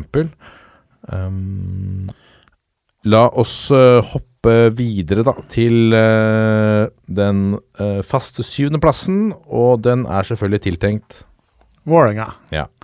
Ja, det har jo blitt en sånn supporter-joke, det der at syvendeplassen er vår, og den skal vi ha. Det, eh, og det kan fort bli en profeti som stemmer, det, altså. Det ikke, skal ikke stå på det. Men en syvendeplass for, uh, for Vålerenga med profilerte høyt uh, Hva skal vi si Rappkjefta Dag Elle Fagmo, rappkjefta Joakim Jonsson. Det kommer til å bli en skuffelse på Valle. Ja, det er klart, det er jo ikke der Vålerenga skal være. Det er jo ikke der ambisjonen egentlig noen gang har vært. Så, så nei, det er det ikke. Men det, det, har jo sett veldig ujevnt ut i vinter. Og så har man allerede begynt å få litt noen av de bekymringene med I fjor så snakka jo alle, inkludert vi, om at elveren var veldig bra, og at bredden i troppen var veldig tynn. Nå ser man jo at Christian Borchgrevink har jo ikke vært på banen. Uh, har veldig uklart når han er tilbake igjen i det hele tatt. Da har man henta Vegard Hedenstad, som jo er en god erstatter, for så vidt. Men så får du i tillegg da Odin Tiago Holm, som nå skulle satses på i den dype rollen, får en kneskade og er ute noen måneder. Så du har allerede, i en ikke altfor velfylt tropp, så har du to av de mest sentrale brikkene i manko eh, fra start da. Så selv om i utgangspunktet, hvis de hadde vært tilbake, så hadde bredden i den troppen vært litt bedre enn den var sist sesong, og nå er man litt tilbake på status quo nesten der. Uh, jeg syns jo det mest interessante med Vålerenga-perspektiv er jo at det ser ut som ørnen har våkna i løpet av vinteren. Uh, Vidar Ørn Kjartansson sleit jo både sportslig og var vel litt sånn utenom Var vel ikke helt på en måte i vater og uh, hadde sitt beste år i 2021. Nå har han skåra fem mål i vinter. Sett litt mer ut som den uh, spissen han var da han kom tilbake for andre gang og bøtta inn mål gjennom høsten. Og det, der ligger jo åpenbart er veldig mye av nøkkelen for Vålerenga nå. Fordi i fjor så mangla de en målskårer. Henrik Udal klarte seg helt OK på de minuttene og kampene han fikk, men ikke noe mer. Kjartansson var under pari. Lajoni var godt under pari. Heller ikke sett voldsom ut gjennom vinteren, han heller, altså. Så Hørte noen rykter om at uh, Glimt snuser snuste litt på Henrik Udal? Ja, de hadde nå lagt noe bud, ble det meldt om her, men det var vel et stykke tilbake i vinterstid òg, holdt på å si. Så ja. Men det er klart, Udal har et potensial der, men nå ser det ut som Kjartansen er ganske tydelig foran i den kampen og har gjort det mye bedre gjennom vinteren også enn Udal. Så hvis det var noen tvil der, så er det islendingen som er klart eh, førstevalg der. Men det er en meget god mann å sette inn. Han har gjort det bra når han har kommet inn og startet også. Ja, det er det. Og så er jo Henrik, uh, Henrik Bjørdal tilbake på indreløperplass etter å ha vært litt eh, back bl.a. i fjor. Ja. Jeg syns jo han er blant de beste og mest stabile og stødige indreløperne i Eliteserien. Der har du en nøkkelspiller. Så snakka vi om uh, Osame Sarawi sist uh, program, gjorde vi vel? Uh, kommer nå til å være venstrekant etter å ha vært også litt indreløper. Jeg tror det gjennom sesongen blir veldig veldig bra. Jeg syns han har sett skarp ut. Kanskje spesielt i starten av oppkjøringa så var han veldig skarp. Så jeg tror han kommer til å være den kreative, skapende, uforutsigbare kraften. Så har du Bjørdal, som er litt mer sånn eh, den stabile motoren. Og så må de finne ut, altså fun funker Leoni? Skal de bruke Ishmael, som de har lånt inn nå for en halv sesong? Eh, hva, hva, med Tobias Christensen? Hvor skal han spille, og hvor er han best? Ja, kan han ta, ikke sant det, Valget blir fort her nå hvis Odin å holde meg ute, det er han. Eh, naturlig å tenke liksom uh, Oldrup Jensen inn på den dype. Tobias Christensen kan jo bekle den, han også. Ja, de har jo prøvd, men det har jo ikke funka sånn helt optimalt. Og så har de jo Petter Strand som tar den andre indreløperen. Så Christensen blir litt fort sånn igjen at det, blir mye nummer 12 og nummer 13 og nummer 14 på han, at han kommer inn litt her og der. Og det var vel akkurat den lovnaden han fikk om at ikke skulle skje i Vålerenga, da han tok turen fra start. Ja, og så er det, Men så må vi trekke fram en til som har våkna litt i løpet av vinteren, og det er Leonard Sota på uh, på Sota-hjørnet, eh, for å si det sånn, eller på venstrebekken, som ikke viste noe sånn som var til å bli bergtatt av gjennom høsten, men som jeg syns har sett mye bedre ut gjennom vinteren. Og har en veldig fin fot, ser ut som han kan også være et offensivt bidrag for Vålerenga. Veldig, veldig spennende. Videre til et lag vi har knyttet større forventninger til. Eh, vi tror at eh, de kommer til å levere en bedre sesong enn de har hatt de siste årene. Og det er vel på tide også, fordi Sarpsborg Lotte, etter at eh, Altså, europaeventyr og disse tingene her. Det begynner å bli en del sesonger siden, og etter det så har de ikke lignet så veldig på seg selv, Jørgen. Men nå tror vi at de er i ferd med å knekke koden her. Nå har vi plassert dem på en sjetteplass. Ja, det er jo et lag jeg i hvert fall har tro på at skal forbedre seg den sesongen her. Og det så jo bedre ut mot høsten. Så tror jeg de har henta inn en veldig fin trener i Stefan Billborn på, på den plassen.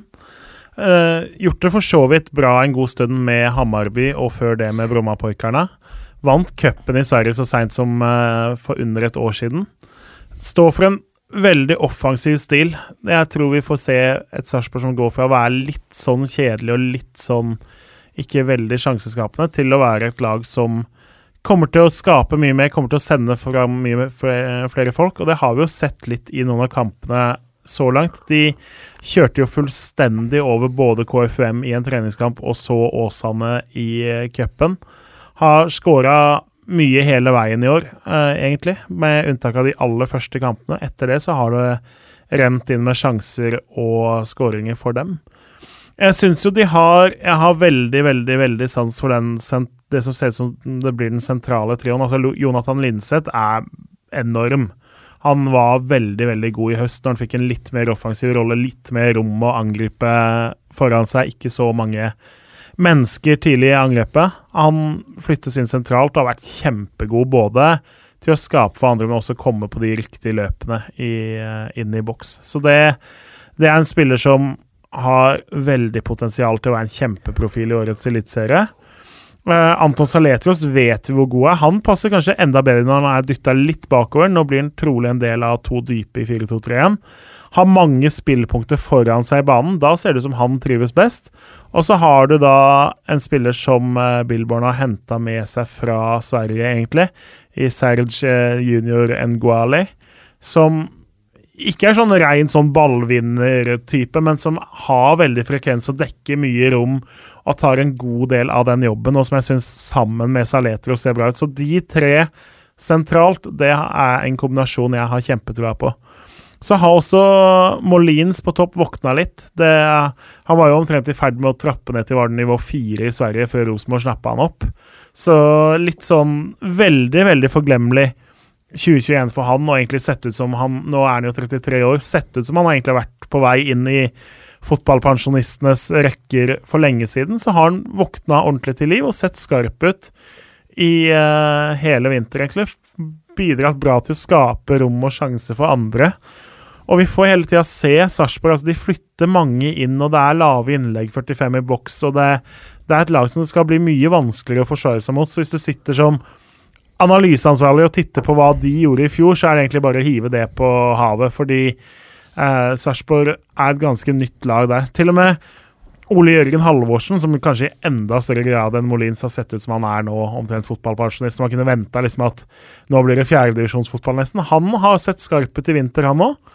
Samme Mikkel Maigård var egentlig ikke god i Sarpsborg og ikke god i Strømsgodset i fjor. 2021 var en nedtur for han etter å ha vært god i Godset og Raufoss før det. Sett bra ut på venstrekanten. Uh, eh, Henta inn Tobias Heinz i tillegg. Så jeg tror de offensivt kommer til å ha mye, mye mer å bidra med denne sesongen. At det, det, er et lag som passer til det treneren ønsker å skape der. Så jeg er litt usikker på defensiven ennå. Jeg syns jo altså Anders Kristiansen er en OK eliteseriekeeper, men han er jo ikke noe sånn, hvis du, hvis du, skal sette opp en liste over 16 keepere i Eliteserien, så veit jeg ikke hvor mange som ville hatt han liksom, Du ville ikke hatt han topp tre eller topp fem. Men liksom stødig, gjør få feil, bra rutine. Eh, kan stoles på, men det er ekstraordinært er det jo ikke. Men bra og stødig nok, for all del. Ja. Litt sånn tynt også i Forsvaret. altså Eirik Vikne og Joakim Thomassen for så vidt OK, sett bedre ut på bekkene begge to tynn dekning bak dem, egentlig, spesielt Vikne til høyre. Har ikke noen naturlig utfordrer akkurat nå. Også da Bjørn Inge Utvik og Magna Rødegård ser ut som det skal bli stoppeparet. Henta en danske Anton Skipper i tillegg, og så er jo Jørgen Horn tilbake etter å ha slitt masse med skader over veldig lang tid. Så det er litt sånn det føles kanskje ut som Selv om Molins er bra, er han bra nok? eller har det vært litt sånn glimt? Eller har faktisk nye trenere fått han til å funke? Og skulle de ikke liksom hatt inn én litt bedre, om det er en ny stopper eller hva. ikke sant? Et eller annet i forsvaret i tillegg. Det er kanskje det som skiller dem fra faktisk i mine øyne være en medaljekandidat. da. Jeg mener at det er der vi må begynne å sammenligne Sarpsborg nå. Jeg syns de har sett så bra ut at jeg forventer at de kommer til å være med på øvre halvdel og kommer til å gjøre seg gjeldende der. Eh, det, de forventningene har vinteren skapt, og det de har rukket å gjøre i år. Så det er et lag det skal bli interessant å se hvordan starter sesongen. De har jo litt sånn opp og ned eh, seriestart som ikke er den aller, aller eh, enkleste, da. Eh, så Nei, det skal bli veldig interessant å se hva de kan komme med. Jeg mener som sett at vi, vi har en liten joker i medaljekampen, kanskje. Spennende. Videre. Åråsen. Et av, eh, lag, et av de få lagene har blitt, i mindretall, som fortsatt spiller uh, fotball som det skal spilles, på gress. Uh, vi har satt de på en femteplass, og det må sies å være altså Da er du oppe og, og begynner å lukte litt på medaljen, uh, Jørgen Kjernås. Har vi vært i overkant ambisiøse her på de i gult og sort? Mm, ja, kanskje. Det er også et lag som Det er klart det er, alle er vanskelig å spå, men det er vi skal huske på da at det er Thomas Lene Olsen og hans 26 mål fra forrige sesong som skal erstattes. Det var en helt utenomjordisk sesong han hadde, og det samspillet han hadde med Gjermund Aasen og de andre offensivt der, det er veldig, veldig, veldig vanskelig å skulle gjenskape for noen. Så har de jo da henta inn Holmbert Fridjonsson, som skårte 11 mål på 15 kamper for Ålesund i 2020. Og da må vi huske at det var en Ålesund-utgave som så helt forferdelig ut. Så det å skrive 11 mål for dem er en sterk prestasjon. Og som oppspillspunkt, og hvis han får de riktige ballene å jobbe med i feltet, så er han kanskje enda råere enn Lene Olsen en del av de tingene. Men han har jo liksom ikke klikka inn som den puslespillbrikken som passer perfekt inn i eh, LSK-puslespillet helt ennå. da. Jeg tror det var viktig for han, Nå skårte han endelig mot Sarpsborg i generalprøven. Ganske sikker på at det var litt sånn bør av skuldrene for hans del, og nå har han i hvert fall kommet i gang med det. da. Så den jobben, og hvis ikke han skulle funke, så har de også henta Akor Jerome Adams, som er en veldig, veldig spennende spiss. Så de har på en måte prøvd å egentlig hente inn to mann for å erstatte fjorårets uh, fantastiske kaptein for laget. Ellers er det litt sånn samme. Det er jo ikke så mye nytt ellers. Khan Kairin har jo vært skada hele vinter. Har jo henta danske Fredrik Holst, som også har vært litt sånn yeah, ikke, ikke, helt det store der. Men nå kommer jo Magnus Knutsen tilbake fra Russland. I hvert fall fram til sommeren, da. I hvert fall fram til sommeren, og da etter hvert Kairin også tilbake. Så da har de også et lite luksusproblem på den plassen. Ja. Uh, litt det samme er jo når det gjelder nykommer på høyrekant. altså Gildren Ibrahimai, Han og Pål André Helland skal egentlig dele på spilletida. Uh, Helland har vært skada nå, men ikke en veldig alvorlig skade den gangen. Han er sannsynligvis tilbake til seriestart. Har sett skarp ut i vinter etter at altså 2021 var ikke han god. Uh, han fikk veldig, veldig veldig få minutter pga. alt av skader og sånn. og det var vel egentlig bare den Rosenborg-kampen hjemme som var verdt å huske for hans del sist sesong. Men for en kamp, da. Ja, er, når du først skal velge deg én match å prestere i, så valgte han jo riktig anledning på mange måter. Og vi veit jo hva Helland kan, og frispark han skrudde inn mot Nardo i cupen, fantastisk osv. Men ja, hvor mange minutter blir det? Så er det jo da tross alt fint å ha Ibrahimai som har en del av de samme kvalitetene. Mm. Men du tenker at Helland spiller hvis Helland Helland er, er førstevalg der, det er jeg helt sikker på. Uh, og ikke minst, ikke sant, du har Gjermund Aas til venstre, som jo er en av de mest elegante og kule og stilige fotballspillerne vi har i Eliteserien. Og en av de som har Det er vel omtrent bare Magnus Eikrem som kan måle seg med assist på han over de x antall siste sesongene. Han har en fot og et blikk og en ro som er helt nydelig å se på, og var veldig god for dem i fjor. Skårer litt for lite mål selv, da. Det er jo det eneste ankepunktet vi kan ha mot han uh, der. Ellers så hadde de jo ikke sant, Både Igo Ogbu og Mats Kristiansen, to kjempegjennombrudd sist sesong for dem. Både Lars Ranger og Eskil Ed fungerte på høyre vingbekk, uansett hvem av dem som fikk tillit. Ed fikk vel først sjansen mot var vel den Rosenborg-kampen, så vidt jeg husker, og bare gikk inn og presterte kjempebra. Hadde mange høykvalitetsprestasjoner der. Uh, Tom Petterson var en nyttig forsterkning på stoppeplass. Syns han bidro med bra rutine der. Litt sånn åpent ennå. Colin Rushler har ikke helt vist at han skal ha den høyre stoppeplassen. Espen Garnås og han kommer til å kjempe om den.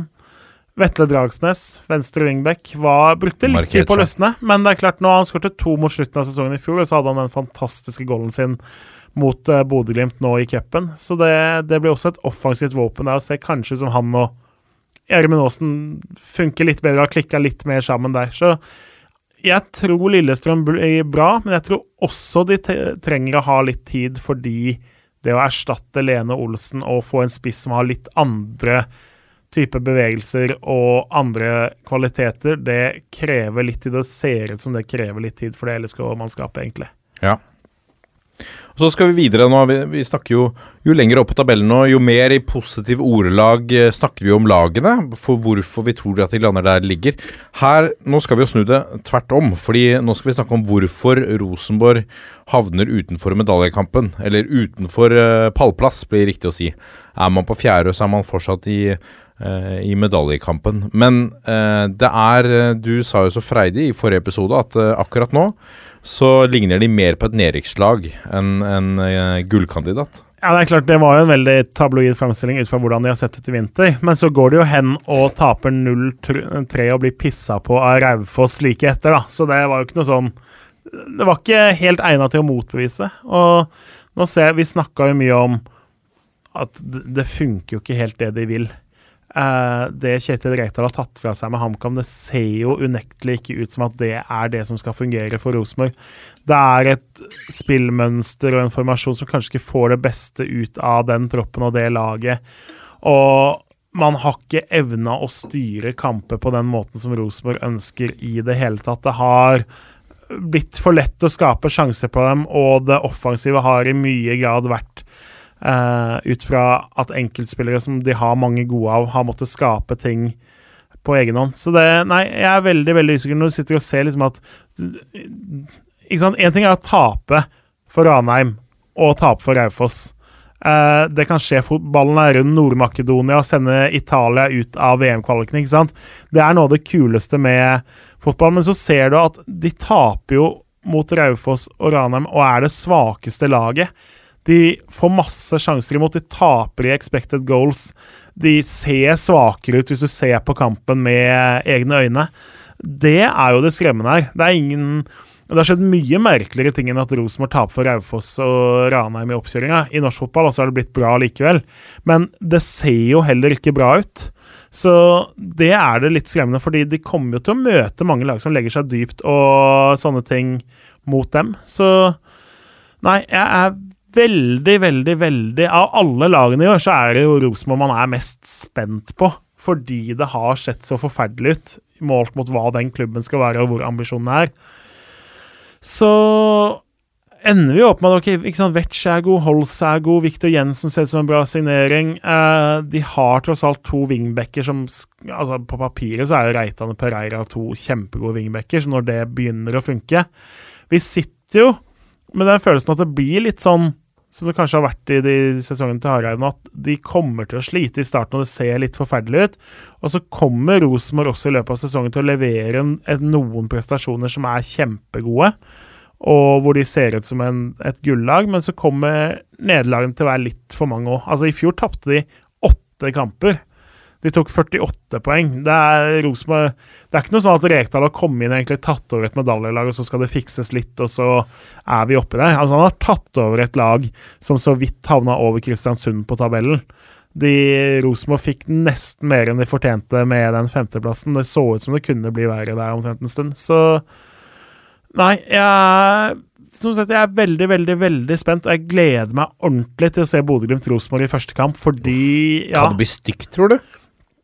Eh, man sitter jo litt med følelsen av når Rekdal sier at vi skal liksom ikke legge om, vi skal være Rosenborg, vi skal øve, fortsette med det vi har øvd på. Jeg tror jo de kommer til å jeg, bruke tida si på innkast og cornere og femmeter og sånn på Aspmyra. Noe annet er unaturlig, nesten. Men hvis 1-0 kommer der da, etter 25-30 minutter, typisk at Rosenborg har holdt OK, og så trykker Bodø-Glimt inn. Det er veldig realistisk. Da, også ligger det jo ikke da i Rosenborg sin natur eller noe å være Ok, vi er fornøyd med å tape 0-1 uh, i serieåpninga for Bodø-Glimt. Da må jo de framover osv., og, så og da har vi jo sett hvor nådeløse Bodø-Glimt er da. Når ikke det defensive fundamentet er tryggere enn det Rosenborg har vist nå, så tror jeg at det da potensielt kan renne inn med mål.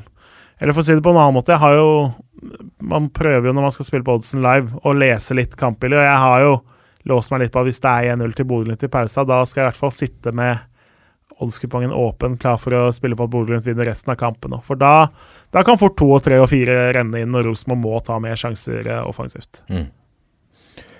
Spennende. Veldig spennende, som du sier. Kanskje det mest spennende laget Altså hvordan de ser ut når de starter og underveis i serien. Vi går videre da til eh, Nå er vi inne i medalje eh, Vi er inne på pallen, blir det riktig å si.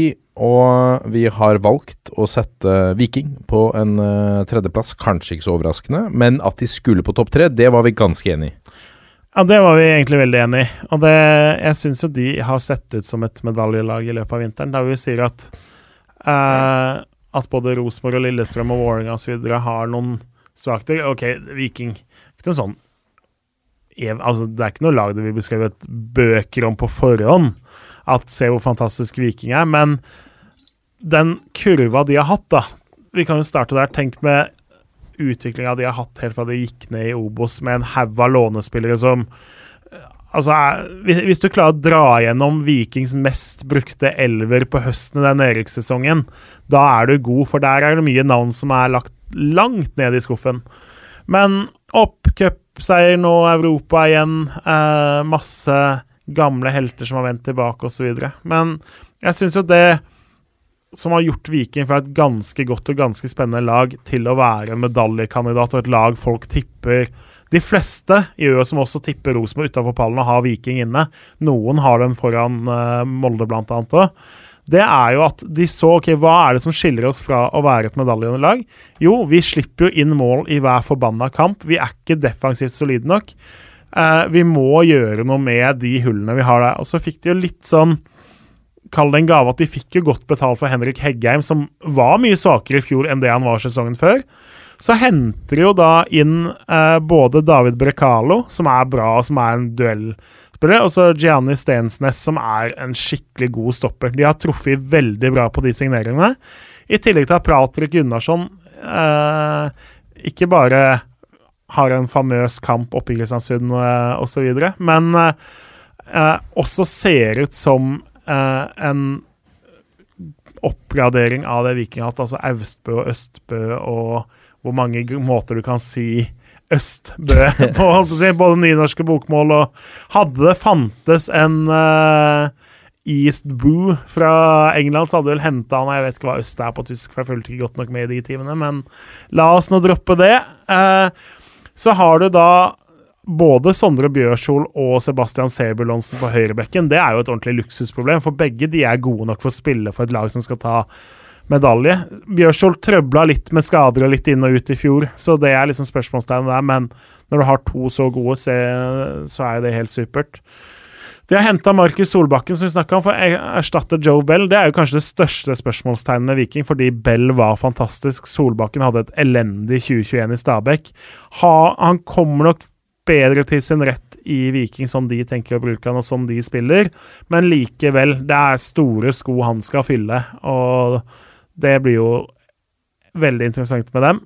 Samme med da Patinama på venstrebekken, som har vært litt sånn gung-ho. Altså alle mann i angrep. Der, der er han med. Han, han, er en veldig, veldig veldig offensiv eh, back. Det er der han har kvalitetene sine. Bakover så var han eh, avkledd i mange kamper i fjor. Uh, så ser det ut som han har tatt litt steg der. Han har i hvert fall tatt steg mot å være et mye tydeligere førstevalg. I fjor så spilte jo egentlig Rolf Daniel Vikstøl mer der fordi de ikke stolte på Patinama defensivt. Men hvis de stoler nok på han, så, til, så gir det dem en ekstra dimensjon også i angrepsspillet.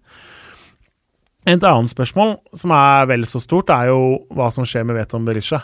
Ja, for der tror jeg, da, at alle de nå som har tippet Viking så langt opp Bom, nå er det litt misnøye plutselig. Veton Berisha som som jo gråt sine tårer for å komme tilbake til Stavanger, er plutselig nå Nei, nå vil han videre igjen, ryktes det. Eh, hva gjør det med stemningen i laget? Kommer han til å innfinne seg med at han blir der nå, kanskje ut vinduet?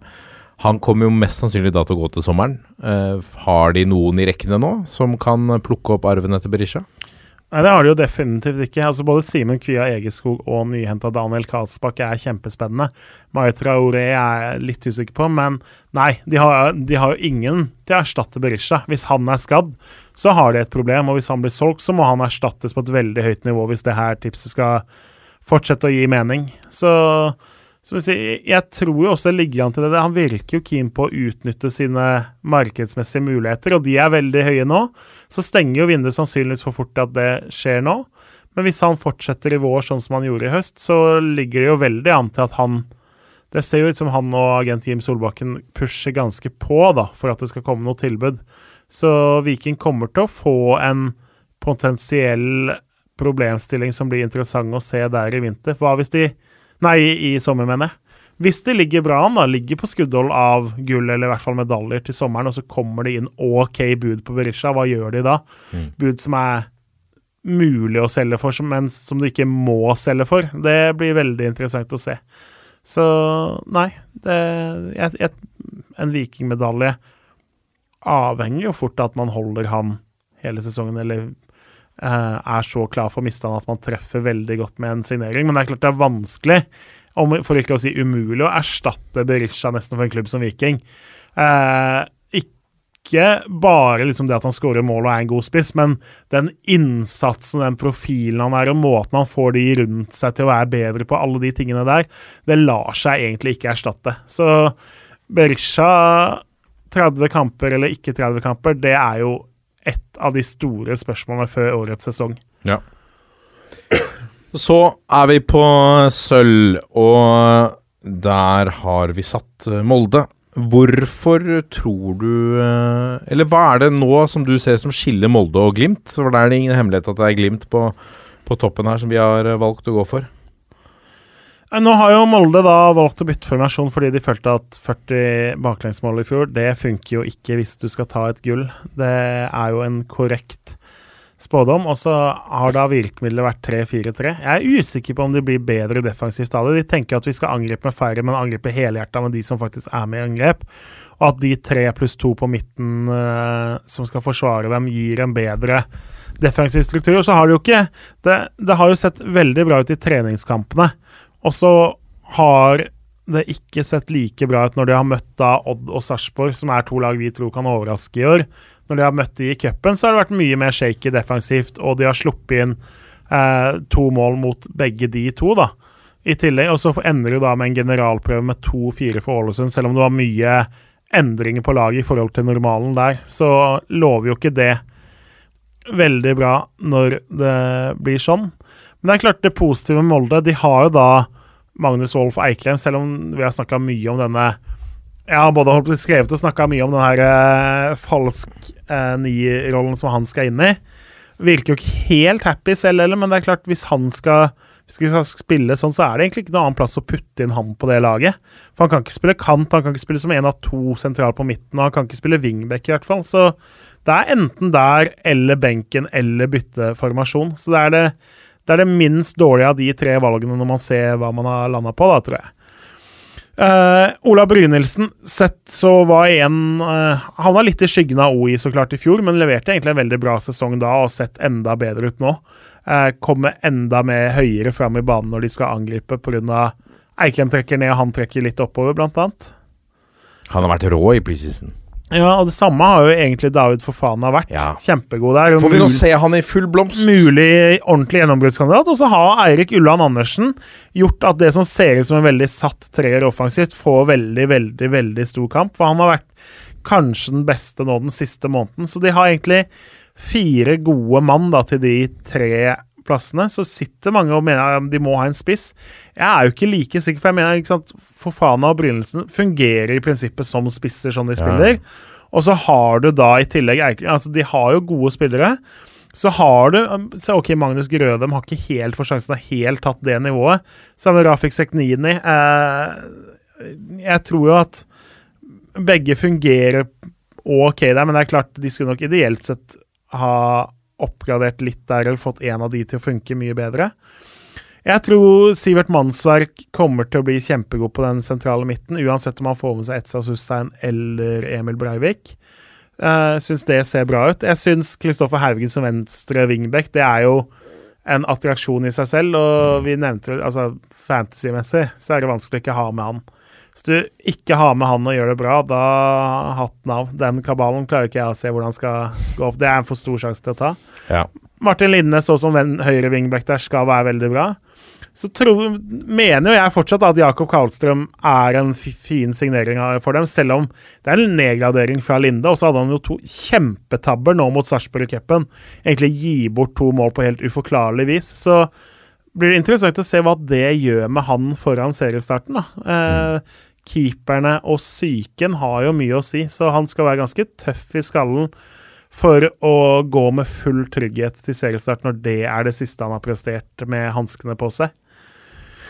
Litt trøbbel òg, ikke sant. Sheriff Sinjan har vært skada gjennom vinteren. Har ikke vært på banen vel i det hele tatt, hvis jeg husker riktig. Eh, samme Martin Bjørnbakk har trøbla med skade. Henta hjem Eirik Haugan og Benjamin Tidemann Hansen er en bra forsterkning, og Birk Risa som eh, sidestopper der, hvis man kan kalle det det. Han også litt mer offensivt noen ganger og i noen situasjoner. Det, det ser OK ut, men jeg, jeg, klarer ikke helt se at den gjengen skal låse igjen helt, da, som er litt det håpet som Erling Moe påstod at man ville ha med det formasjonsskiftet. Så Uh, nei, litt flere usikkerheter enn det her Molde, enn Bodø-Glimt-maskineriet som vi veit at fungerer. Det gjør at vi ender med Molde på hakket bak. Ja. La oss hoppe til, uh, til Glimt. Um, og dette har vi jo snakket om mange ganger, men vi kan jo fortsette å snakke litt om det. Uh, Evnen til å erstatte spillere som har gått ut. Altså igjen, eh, lista nå er minst like saftig på de som har gått ut, som det var etter, eh, etter 2020-sesongen. Nå er det Patrick Berg, Erik Botheim, Fredrik Bjørkan, um, Leikvoll Moberg. Um, um, altså evnen til å, til å, erstatte de så langt, i hvert fall, da, i, i kampene i, i, Europa, så ser det ut som de har maktet det. Eh, Wembangoma har sett veldig bra ut. Elias Hagen eh, tar for seg på, på midtbanen. Eh, altså Boniface har begynt å, begynt å hamre inn eh, skåringer.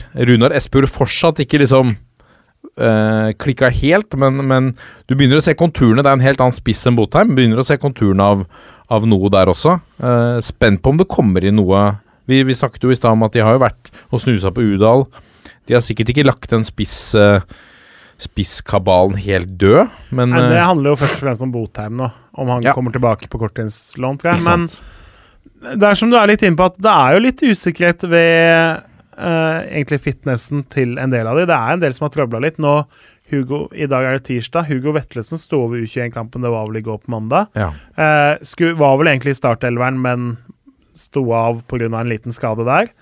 Uh, Ola Solbakken har kommet litt beskjed om at kanskje trøbbel litt at det er noe mulig operasjon på gang der, mener jeg leste i Avisa Nordland. Så ser man jo på det programmet de har bare i april nå, så er det ganske brutalt egentlig. De starter mot Rosenborg, så er det kvartfinale mot eh, Roma fire dager seinere. Så skal de til Sandefjord eh, etter det, og så rett til Roma egentlig fra Sandefjord omtrent. Det er søndag 10. og torsdag 14. Etter det så er det Vålerenga på søndagen igjen. Eh, onsdag så er det Viking i semifinalen i cupen. Og så tre dager etter det så skal de møte Viking igjen i serien. Og hvis de skulle gå videre i uh, Europa uh, da, så er det jo da rett å spille sem to semifinaler. Og innimellom det så har de en potensiell cupfinale. Så ikke sant, mai, nei, april, hvis de går videre i serie og Conference League, så har du to, fire, seks, åtte, ni kamper der gjennom april, mens de andre norske lagene da har eh, stort sett fire på den samme perioden.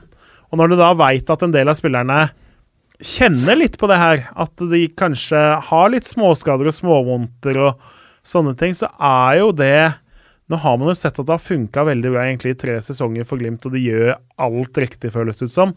Men det er jo ikke sånn at fordi de har vært gode med skader og hatt flaks og hatt flyt og hatt spillere i form og sånn, så betyr jo ikke det at sånn kommer det til å bli også i 22, 2022. To streker under svaret, ferdig med det. Det er jo en fare for dem, og vi veit at Runar Espejord har jo Grunnen til at han spiller nå i Bodø-Glimt og ikke i en mye større liga, er jo at han har en kropp som gjør at han sjelden har spilt mer enn 60% av kampene i løpet av en sesong. Det er mye skader og mye sånn jeg føler det som hver gang han er ute, så er det veldig diffust om han er ute en, måned, nei, en uke eller to måneder, og man nesten ikke veit at det er litt sånn dag til dag eh, på ting. Så så noen sånne spørsmålstegn er det jo. Og i tillegg til alle du nevnte, nevnte vel ikke Marius Lode engang, ikke sant? Så vi har jo Nice. uh, Ja. De har jo en del spørsmålstegn tross alt, da. Men det har vi liksom prøvd å sitte og si nå egentlig flere sesonger på rad, og så viser de at de bare går på vannet. Men det er jo også viktig å huske at 2022 var jo ikke i nærheten av like eventyrlig som 2021. Nei, nå roter jeg. Nå er, nå er 2021. langt- 2021 var ikke like eventyrlig som 2020.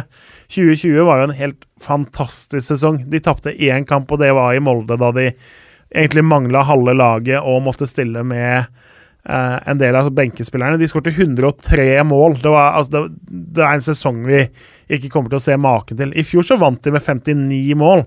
Altså nesten en halvering i antall skårede mål. Så selv om Europa på en måte viser hvor høyt toppnivået er, så de var jo ikke like tilnærmelige i fjor. De vant tross alt med tre poeng til slutt. De avgjorde i siste serierunde, mens i 2020 så føltes det som de kunne delt ut gullet egentlig godt og vel halvveis i sesongen, så var det bare å sende gullet til Bodø.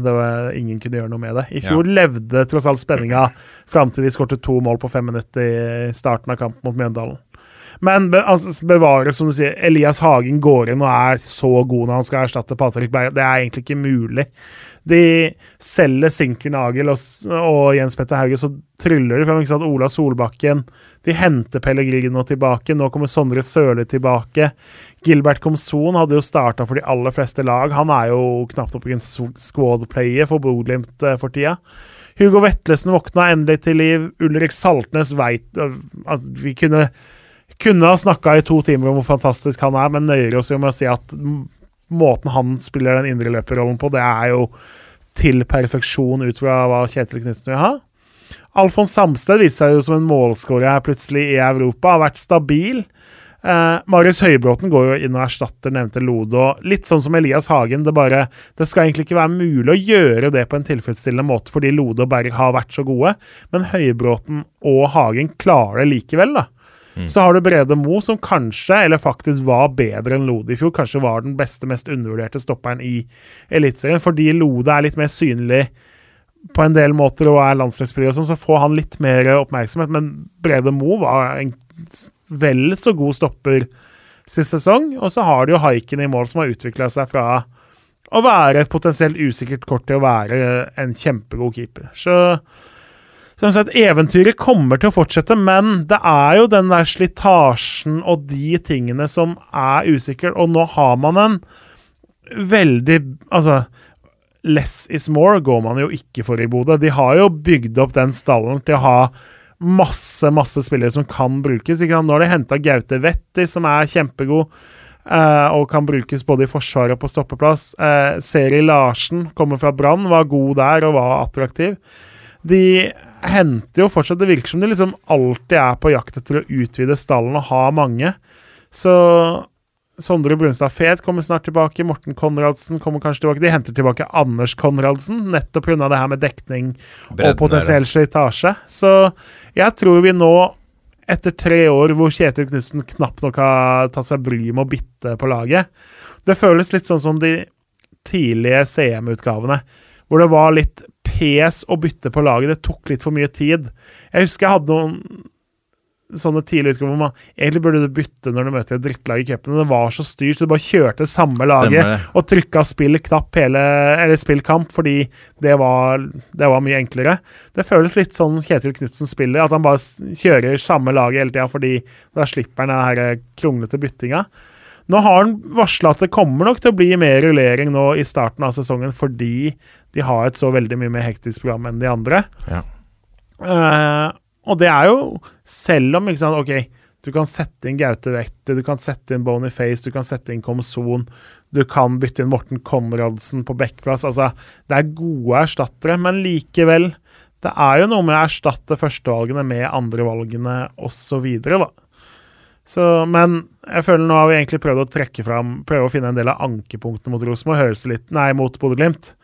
Uh, det er jo veldig, veldig, veldig mange flere plusser enn minuser med det laget her. Og er det noe lag som skal få Runar Espejord til endelig å være en målskårer i formen, så er det jo Bodø-Glimt.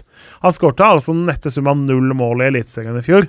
Like mye som du og jeg gjorde. Eh, så Men har jo nå våkna litt til liv. Fikk seg, fått seg scoring i Conference League nesten umiddelbart der i uh, Glasgow. Uh, bidratt til angrepsspillet. Er jo en spiller man har hatt sans for. Det er kun de her skadene og usikkerheten rundt kroppen som har gjort at uh, han ikke har vært enda mer attraktiv, og at Heerenveen egentlig syns det er greit å sende han tilbake.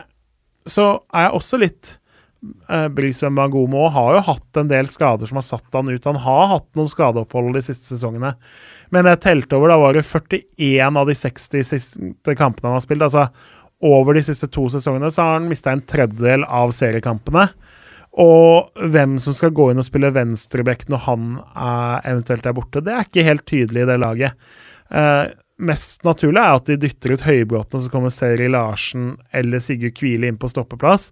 Og da begynner du å få litt den der feelinga av nød Eller Morten Konradsen, men alle de gir litt sånn feeling av at dette er en nødløsning. De har snakka om før de henta han, eller før det var tydelig at han skulle ha førstevalg, så har de også snakka om å omskolere Sondre Sørli til venstreback, altså fra høy, skadd ja. høyrekant til venstreback. Og det, han har jo noen kvaliteter som er spennende, men igjen, det, det er noen sånne ankepunkter der òg, da, som gjør at all den her kampkabalen som ingen andre har i starten, det blir interessant å se hvordan de løser den. Men så ser du at selv på det som føles som en helt middels dag mot et Lillestrøm-lag som egentlig hadde en god dag, så vinner de 4-1 og bare er så overlegne. Eh, Lavestnivået deres er så høyt at det er kjempevanskelig å spille mot dem, rett og slett. Ja. Og det er, ja, det er så innstudert, altså, gjennomarbeida, og folk forstår rollene sine. Så det, det funker så bra som et lag, og hele det systemet gjør enkeltspillerne gode. Ja, og med det, så Vi kan ikke si vi kroner de, men, eh, men eh, Bodø-Glimt, altså eh, Selv om de har imponert nå flere sesonger på rad, det er første sesongen vi vel har tippet de på topp. Ja, det, det kan stemme. Ja, det, det, tror jeg det er. I fjor så var det klassisk. Det var veldig mange som trodde at de, man ikke kom til å gjenta denne fantastiske bedriften med, å ligge helt uh, på topp. Nå tror jeg det er de færreste som ikke har de på har de på uh, førsteplass. Uh, meget spennende sesong. Vi har i vente nok en gang, det sparkes i gang til helga. Da får vi første signal da, på Selv om det er tidlig, så får man se alle de spådommene og alle de forutsetningene som vi har tatt her, om første signal på om vi har bomma totalt, eller om det er noe som treffer. Plutselig så plutselig vinner Rosenborg 5-0 over Bodø. Ja, du får brukbar odds på 0-5 der. Det er Vi er uh, Toppfotball på Facebook, Twitter, Instagram. Send en mail til toppfotballat451.no. Ta og tune inn også på episoden som kommer litt senere denne uken, som tar for seg tabelltips for Obos-ligaen. Så er vi tilbake da, og også neste uke. Én, to, tre. Vi er en gjeng. Ha det.